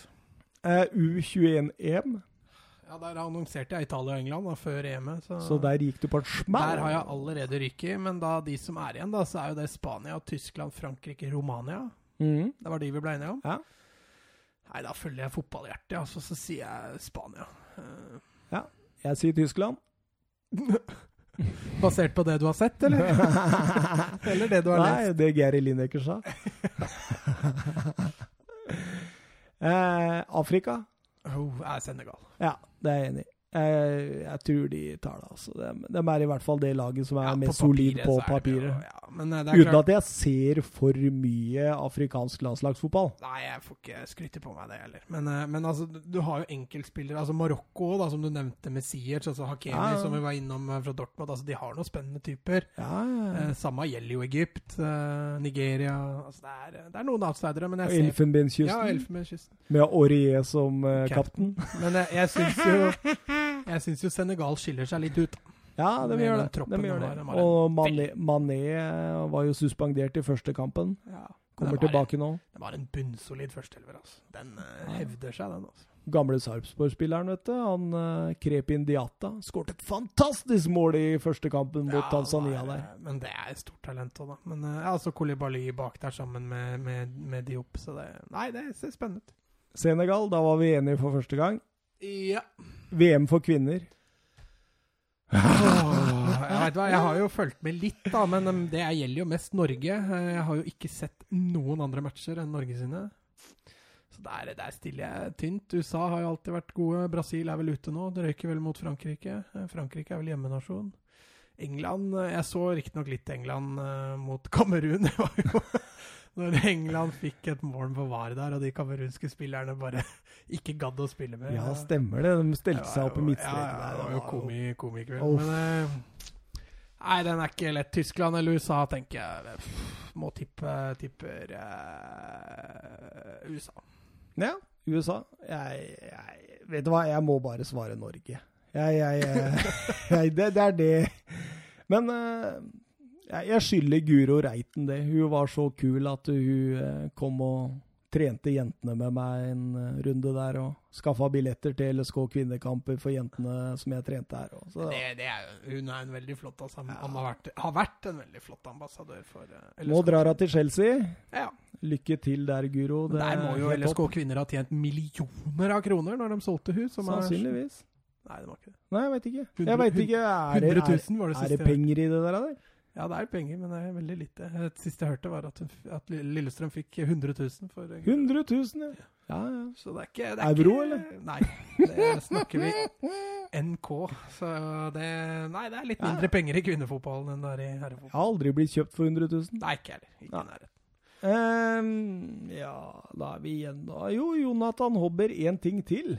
Det var, dette var ganske hyggelig, så må vi ta med på slutten her. Dette kan avslutte. Vil bare si at dere har vokst opp som en favorittcasten min innenfor fotball. Mest kompet kompetente fotballcasten i cast-mylderet. Alltid innholdsrikt, lærerikt og god underholdningsverdi. Stå på. Det var hyggelig! Det er nydelig, ass. Det er, hyggelig. det er det er favorittcasten og greier. Hæ, hæ? Det er ikke dårlig. Åh, det er deilig. Det er deilig. Åh, klokka er bare ti over tolv. Er vi ferdige, altså? Ja, har du mer? Nei. Vi skal jo møtes her på fredagen igjen. Ja, ja, ja. Da var det vel noe U21 og noe Copa og noe greier. Ja, det blir sluttspillet i uh, Ja, U21, du, skal altså. du skal komme til meg eh, fredag klokka 08.00 og se kamp, og så skal vi rett i studio før jeg drar på jobb på kveldstid. Ja, men den kampen vi skulle se da, var vel Kåpan, for den går jo om natta. Ja, men den ser vi da klokka 08.00. Men dagen i forveien så kan vi jo plukke oss ut en U21 semifinalekamp. Veit du hvem som møter hvem, eller? Ja, altså Spania og Tyskland møter ikke hverandre, eh, så det betyr jo da at Da tar vi de eh, som ikke møter Romania. Ja, det er jeg for så vidt enig med deg i. Jeg kan jo se om jeg klarer å finne Da blir det Frankrike mot Ja, altså Det står jo her at Spania skal se for meg ut som skal møte beste tre toer. Ja, Så det betyr at Spania, Romania da, og Tyskland, Frankrike. oh, Tyskland-Frankrike? Da blir det Tyskland, Frankrike. Åh, det, det lukter jo litt uh, fotballgodis ut av det, gjør det ikke det? Jo, definitivt. Jeg syns jeg hører det klinger godt. Du har jo Tyskland, din favoritt i den, da. Så får jeg Spania i min. i. Ja! Så da har vi en liten intern en der. Ellers så er det jo verdt å nevne da, at det blir jo Brasil da, mot tredjeplassen i, eh, i den siste gruppa. Mm. Så da avhenger jo mye av eh, Jo, Peru er jo allerede safe, da. Så Brasil kommer jo da antageligvis til å møte Hvis du klarer å holde med meg to sekunder. Ja, jeg holder, jeg kan snakke litt Ronaldo. Nei da, men det jo De skal jo da møte enten Chile, Uruguay eller Japan. Nei, unnskyld. De får ikke møte Chile. Det blir Uruguay eller Japan skal de da møte i Det har vært gøy med Uruguay. Da må Chile slå Uruguay, og så må Japan slå Ecuador. Og det er jo da også en målforskjell inni der som gjør at uh, Ja, du må holde tunga litt rett i munnen, men Japan har jo foreløpig fire minus, og Uruguay har foreløpig fire pluss, så det må jo da være åtte mål favør Japan. Så at, uh, Så det blir ikke Uruguay. det blir nok Japan. Ja, ja. ja. Men da Nytt bekjentskap. Jeg kjenner ikke så godt mye til Japan. Kubo. Ja, ja. Kobayashi. Nei, hva er han heter? Nei, det var han fra, Takefusa. fra, fra Stabæk, det. Husker du han? Ja, Kobayashi. Ja. Nei, Takefusa. Takke Hva sa du nå? Takefusa, han heter det. Takefusa Kubo. Han har gått til Real Madrid. Jeg kjenner det kan bli moro klokka åtte på fredag morgen med de navnene der. Han er tidligere Barca, nå Real Madrid. Ja. Nei, men eh, vet du hva? Det, episode 14 den legges ut uh, fredag, da. Så da Den eh, kommer allerede fredag formiddag ettermiddag. Oh, oh, oh. Med rykende fersk Barcelona-rapport. Nei, eh, Brasil-rapport. Ja, og eh, U21 England Nei, ikke England. Frankrike-Tyskland. Men eh, skal, vet du hva? Eh, da tar vi de to, og så tar vi en Tottenham og Barca. Hva, gjør, hva skal de gjøre fremover? Mm. Du tar Barca, jeg tar Tottenham. Da får vi de kvalitetssikra mest mulig. Ja. Nydelig. Da kjører vi på. Eh, og med det så mener jeg vi går og legger oss. Eh, ja, Ikke jeg sammen. Må først gå må først gå tur med bikkja. Det kan vi gjøre sammen. Det kan vi gjøre sammen. Ja. Nei, men eh, takk for at dere hørte på. Vi er veldig glad i dere lyttere. Mm. Eh, besøk oss på Twitter, Facebook og snart Instagram, som dama til Mats skal ta. Vi er jo på Instagram. Det er, vi bare, er det. det er ikke veldig aktivt der. Det kan vi jo Nei, jeg, jeg skjønner ikke hva passordet er heller ennå, men det, det Nei, finner vi det, ut av. for at kjerringa mi skal ta over, så må vi jo nesten ha det. da Eller så kan vi lage helt ny. Må åpne en ny. Da kan vi Nei. faktisk gjøre det. Ja, vi ser.